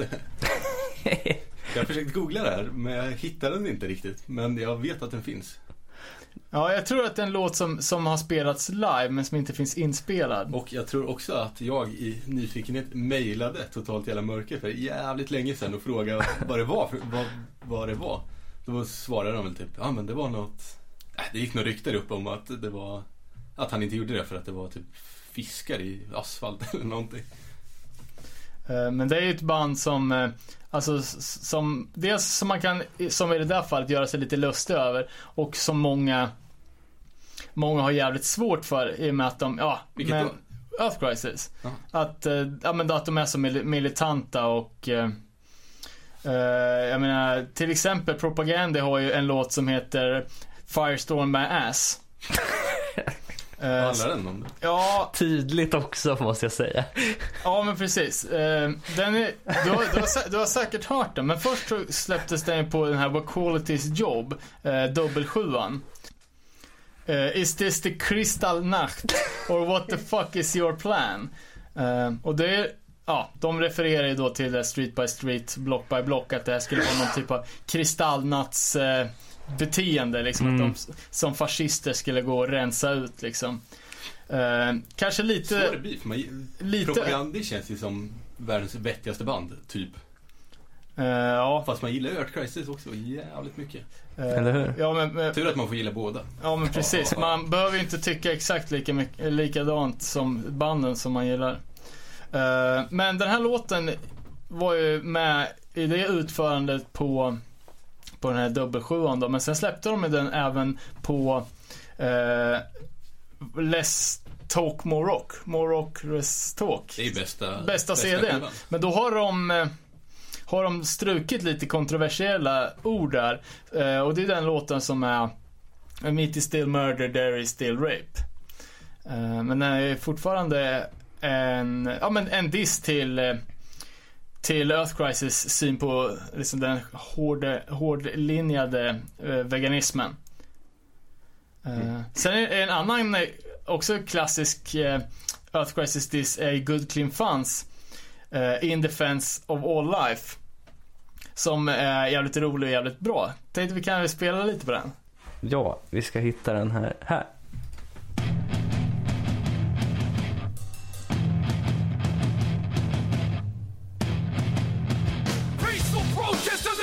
Job done, so I wake up for the rally, grab my sword, I'll get my gun. Breakfast with the family, get their grub up, see what's up. Then I saw my sister has milk in her cup. Jumped out my chair, I sprayed her with my mace. I yelled, "Vegan power!" and I kicked her in the face.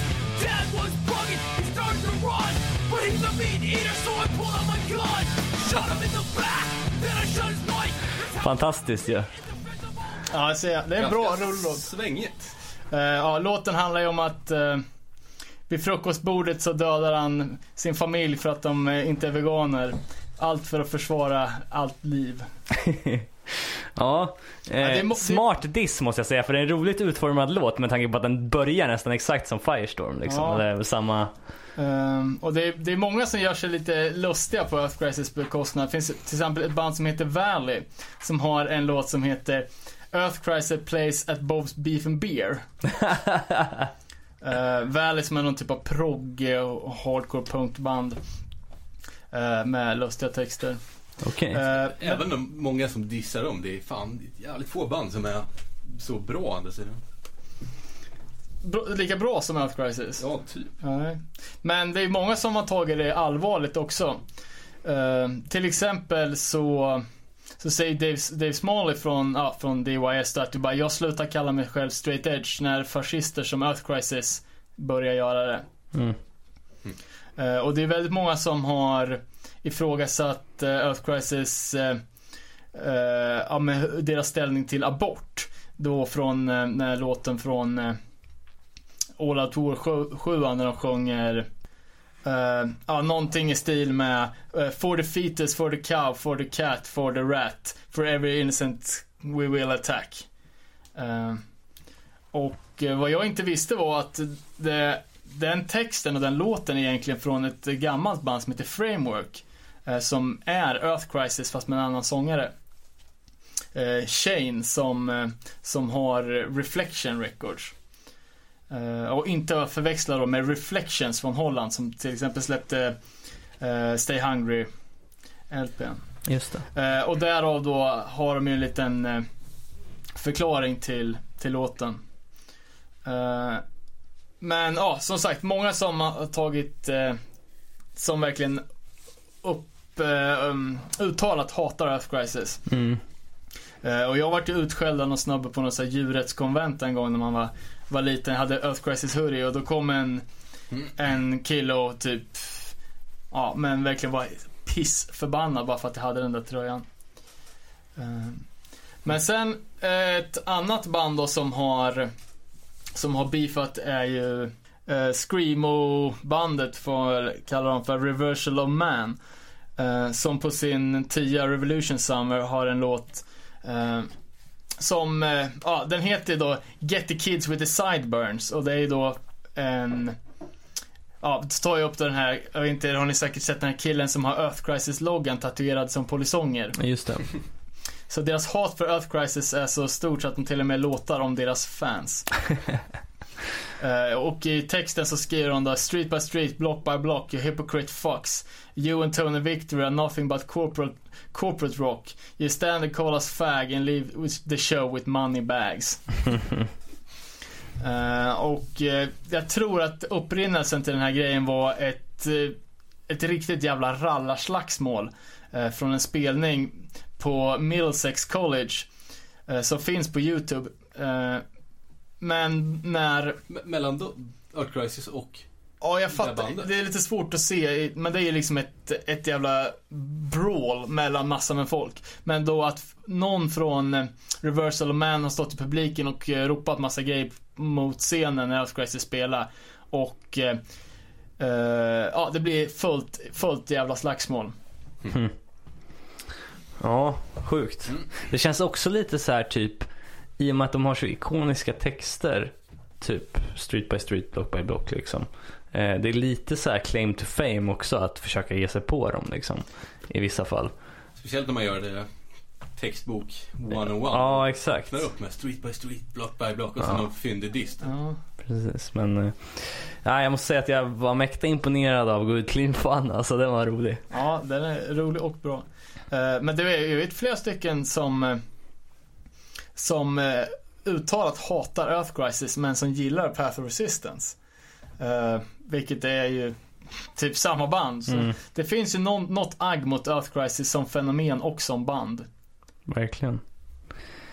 Ehm, De får beefa vidare, ska vi också. Eh, ja, det tycker jag. Men du Robin har ju varit med om ett, lite av ett riktigt beef. ja, det, Tänker du när du och Billy Taste of Life vart uthängda?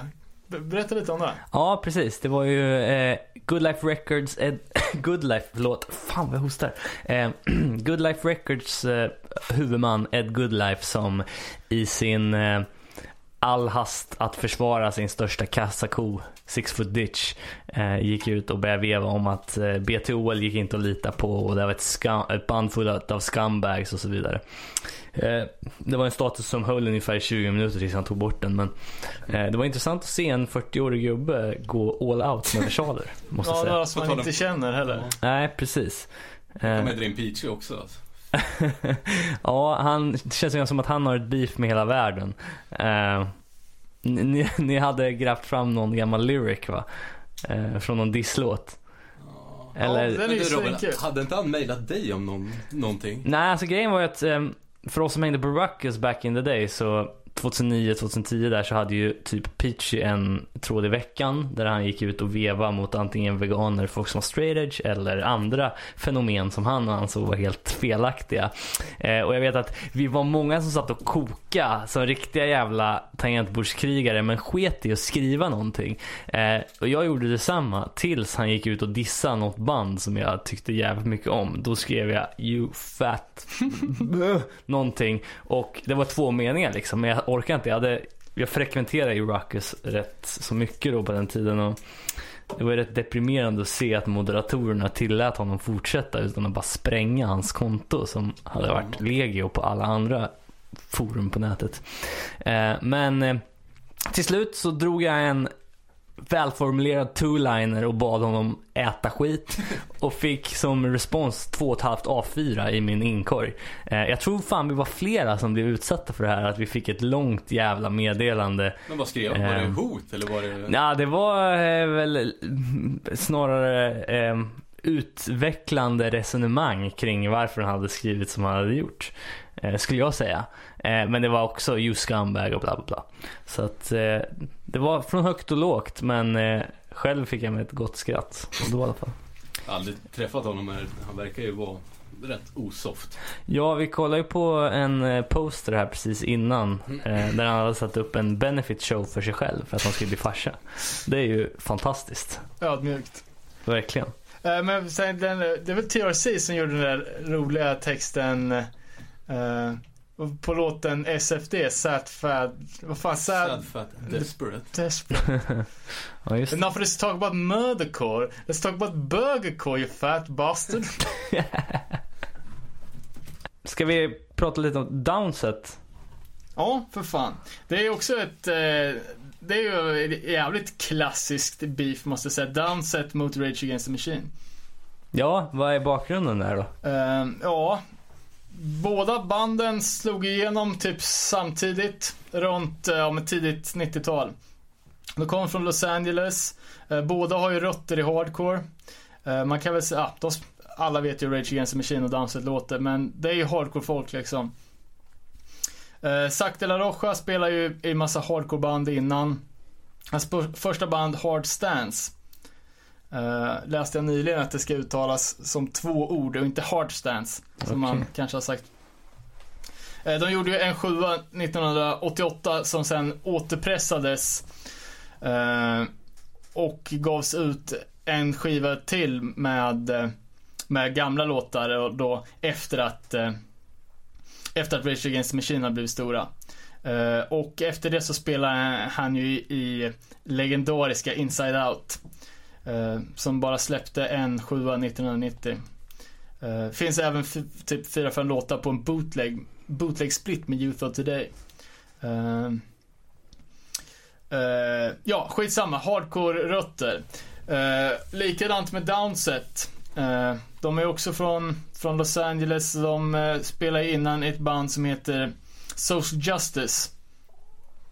Eh, och det, det grundar sig är väl eh, att eh, eh Downset kommer ifrån South Central, super, supergetto och eh, de stör sig på då att eh, Zack som är från eh, eh, Orange County tror jag, men i alla fall från medelklassfamilj.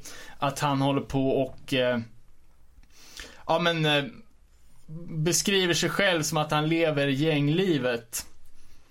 Eh, sjunger i eh, den här lugna låten på eh, Rage Against Machine-plattan med den här brinnande munken. Eh, sjunger han om gänglivet är I got a nine, I got a, ni- I got a nine, I got a sign, I got a set and now I got a name.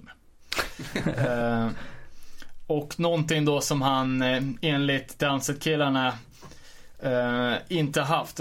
Så sjunger de eh, What does Rage know about mother- motherfucking South Central? Zack, have, have you Uh, what do you know about a set or a sign? Fake motherfucker, never, never even seen a nine. uh, I do more than rage against the fucking machine. Uh, Lite roligt, känns också lite som att de är lite avundsjuka. Ja, men man kan väl kan man väl tänka eftersom att uh, Rage Against miljardärer. blev värld, världens största band och Downset Ja, Downset och ändå den CDn eh, är ju ändå släppt på ett major label-bolag men det är inte alls den Ja, alls lika stort. Eh, och det här var ju på när de gjorde den här låten som eh, Som demo. När LPn kom så har de plockat bort eh, Rage Against the Machine och Zack-orden och behåller övriga texten. Eh, men man kan ju tänka att, ja, eh, i början på Anger då, som är öppningsspåret från eh, den självbetitlade plattan med Downset. Eh, där, där sjunger de om, om lite om sitt gängliv, bland annat då My, my daddy was killed by the LAPD och ja. Okej. Eh, Jävligt bra låt också. ja, Den måste in på Spotify-listan. Ja, verkligen. att de, de eh, har levt det riktiga gänglivet. Eh, Men beefen slutade i alla fall med att de på Reading-festivalen 96 hade tog ett snack. Mano i mano. Cara a cara. Eh, Eh, men eh, redan under beefen så var ju Downset ganska noga med betona att de verkligen gillade Hardstance och Inside Out. Och att de till exempel spelade, spelade deras covers med, med sitt band och Social Justice. Men att de inte pallar och se en vanlig snubbe från Orange County som snackar om, om deras gäng när han inte, eller deras gängliv när han inte hade någonting med, med det att göra. Spännande. Um, ja eh, Fan, vi har hållit på ett tag, det börjar bli lite...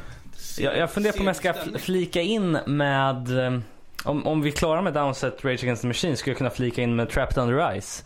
Eh, som, jag vet inte om det är en beef mer än om det är en altercation. Sluggis. Ja, precis. Det är ju det här klassiska som nu faktiskt är ju fyra år sedan det här inträffade. Det är fan jävla vad tiden går.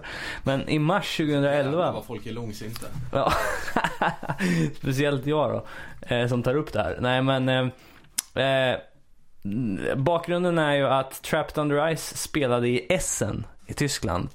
Och eh, det var en I snubbe. Ruhrområdets hjärta, där de truckigaste sakerna går ner. Var det Precis. inte SM Pressure Fest va? Oh.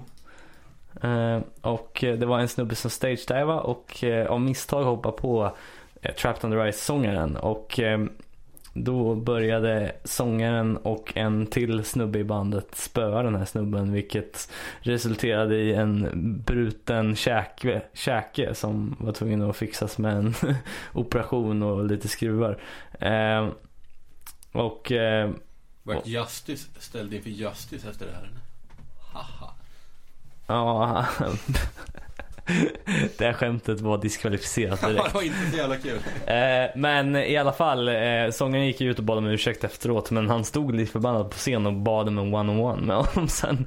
Eh, Var inte men, det någon i något band också? Det var väl någon från Fallbro? ja, ryktet säger ju det. Men jag vet inte, jag tror aldrig det blev bekräftat. Jag tror den här snubben heter Troy och spelar i Fallbrawl. Okej.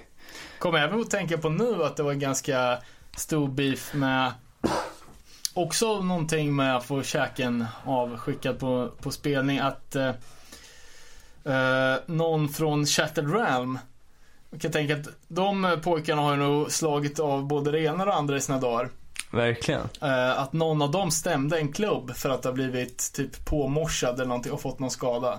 Eller om det var någons eh, flickvän eller familjemedlem eller någonting. Okej.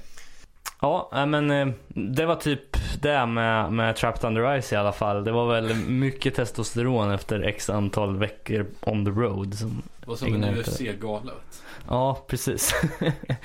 Men det hände det något mer sen eller? Det är bara, nej, inte vad jag vet. Ehm, faktiskt. de kanske är band från SM. Men det var ju mer en incident, inte nödvändigtvis ett beef.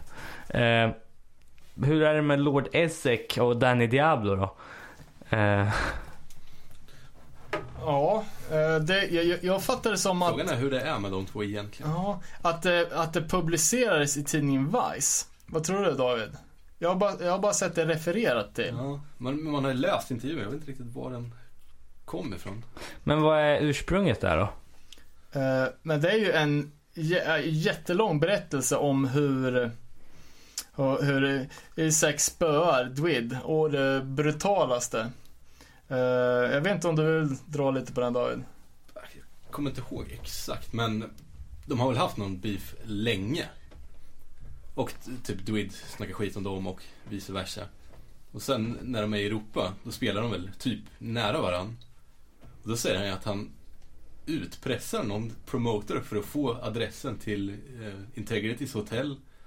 Åker dit och... Eh, Ja, det, han sa ju till och med eh, We basically kidnapped the guys. Så här, slängde, in, slängde in han i bussen och åkte åtta mil för att få den här promotorn att visa vart Integrity höll hus. eh, på hotell, nej på andra hemmet. Det var ju också kul när han berättar att han lägger till med någon dialekt typ. Hello, we are looking for... eh, Ja just det, för att kunna nästla sig in där ja. Och sen bara Shit. fuck it, I kicked the door down. Okej, det låter som en... Men sen är det ju, ja, fan, ja, han spör på honom rätt duktigt. Okej, så det är lite mer en allvarlig, eh, långtgående Så säger det. konflikt. Mer än ett faktiskt bara ett uttalat beef liksom. Jag tror de har beefat länge, sen slutade det väl i det här. Okej. Han säger bara, ah, men nu hade jag min chans typ att de kan inte press charge som det är i Europa. Nej exakt, för det finns ju ingen polisväsende i Europa. Här kan man göra vad fan som helst. Nej men det är och, och lite... sen berätta om det i en tidning. Ja, ja, men, ja exakt. Det är råskumt. För det är verkligen en brutal misshandel. Jag säger bara crack this jaw, crack this ribs. Och jag slog honom så jävla mycket så jag fick så här tio stygn i handen. Eh, så jag var tvungen att ta upp en jävla, någon jävla flaska och slå med. Så det är ri- riktigt... Och sen att han hade sagt, you're the king of hardcore, I'm a bitch. Vad fan. Men borde det ta... blir, blir typ mer tragiskt än... Ja, det var riktigt obehagligt. Det är inte riktigt samma... Alltså, de andra grejerna har ju varit mer på kul. Det här känns bara äckligt. Ja. Borde ta och gräva fram den här artikeln dock. Jag skulle vilja läsa den. Ja, ja, jag har, hela, eh, hela artikeln nedladdad.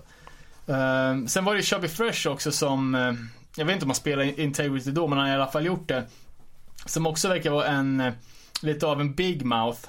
Eh, och bland annat så har han ju gjort eh, något som jag har sett här som har kommit ut på kassett.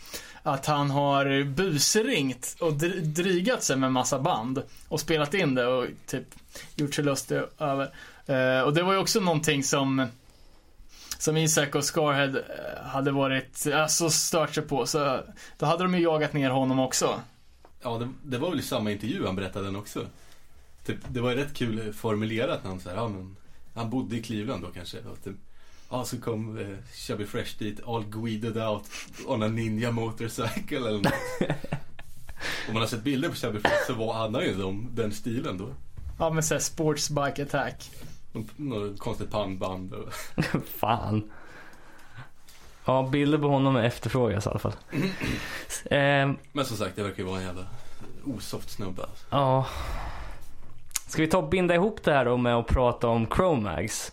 Eh, som sista punkt på den här listan vi har här. Eh, Chromags har ju haft en del interna beefs. Känns ju som de har beefat sen, ja sen Harley var 12 år gammal då. Ja, men ungefär. Ändå har de lyckats få ut sig en del heta skivor liksom.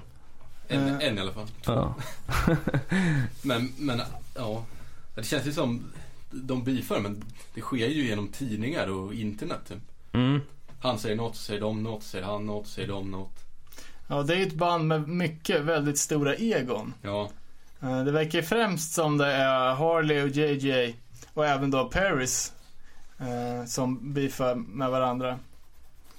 Just ett det. sätt att vara relevant. Vet. Ja men absolut, det kan jag säkert tro att, eh, att det är, om man inte släpper så ofta så kan det mycket väl vara ett sätt för att få ut i, sig i nyhetsropet liksom. Ehm, även om det inte finns så mycket nyhetsrop att tala om när det kommer till hardcore. Men Jag googlade det här lite för att efterforska. Det, det går inte att dra allting. Jag- ska ta ut det roliga ur det hela här. mm, Eh, d- dels att eh, John berättar, nej Harley säger i en intervju att John har sålt bootleggade F- Fire Department New York kepsar efter 9-11 och tagit pengarna själv. Det är ganska bra story. ja verkligen. Eh, vad var det mer? Paris har tydligen ansökt om besöks... Nej vad heter det? Inte besöksförbud. Du vet när man får en stalker eller någonting. Ja precis, restriction. ja. eh, Restraining order. restraining order. Mot John och Harley. Och där kommenterar de Like a little girl. Fan, typiskt. Men mycket av den här beefen handlar ju, och handlar ju om pengar. John Joseph säger ju Alltså allting handlar om i den här boken, eh, vad heter det, Evolution of a Cro-Mag. Också ett rekommendation. Den var ju Ja, den är jävligt bra. Men att då säger han att Harley har snott alla pengar och att han inte har fått en enda krona från Cro-Mags. Och han säger tvärtom. Ja. Såklart. Skulle ju kunna vara så att båda är fan mytomaner typ. Eh, ja, det är ju inte helt orimligt. Eh, men jag vet inte, mycket har ju sagts men det hade väl sin kulmen då när, eh, när Harley Flanagan eh, kniva Gook då som var den nya basisten i Cro-Mags här för, ja det är några år sedan inför en spelning. Och ja, det man vet konkret är ju att, eh, att eh, Eh, ja, men att, att, att han hoppar på honom och uh, Goku åkte in på sjuka med knivhugg och att uh, Harley sitter i fängelset. Så. Mm. Men den där finns, fanns det ju också två sidor på. Eh, ja, Chromax eller de andra säger en att han kom dit och var, ja men skulle knivhugga någon och de, Harley menar ju att de, setup, vad heter det på svenska? Ja, men men att, att de bjöd in honom för att typ mörda honom. Typ att de drog in honom i något rum och började spöa på honom allt, det var självförsvar liksom. Mhm. Sjukt. Vem vet? Ja, det är lite hårdare än att posta på Facebook. Men det gör de ju också. Ja. men vad fan, det är ju kul det här för att eh, vi har säkert missat många grejer men vi har säkert fel om en hel del saker också så att det vore ju nu fett om vi fick riktigt mycket mm, gött att följa upp i nästa avsnitt kring beefs och eh, ja, roliga klyschor, roliga historier kring det här som vi har snackat om. Vill också förtydliga att det är ju med glimten i ögat. som- Ja, exakt. Inga, eh, inga eh, obduktionsprotokoll i inkorgen tack. eh, Fuck it. ja, ska vi säga så eller? Vad fan, vad har vi planerat till nästa gång? Har vi sagt något om det eller? Nej. Nej, jag skulle gärna se ett Cleveland-avsnitt. Ja, men det kanske vi kan ordna. Eh, det, vi kan ju rikta en uppmaning också typ till folk som lyssnar att har ni ämnen som ni vill att vi ska snacka om eller vill ni komma och vara med i podcasten eller har ni idéer på hur vi kan utveckla?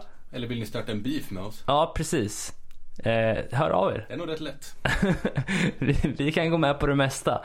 Ehm, men fan, ja, vi säger så. Ha det bra grabbar. Hej hej. Anger, hostility towards the opposition. Anger, hostility towards the opposition. Anger, hostility towards the opposition. Anger, hostility towards the opposition. Anger, hostility towards the opposition. Anger, hostility towards the opposition. Anger, hostility towards the opposition. Anger, hostility towards the opposition. Anger, hostility towards the opposition. Anger, hostility towards the opposition. Anger, hostility towards the opposition. Anger, hostility towards the opposition. Anger, hostility towards the opposition. Anger, hostility towards the opposition. Anger, hostility towards the opposition. Anger, hostility towards the opposition. Anger!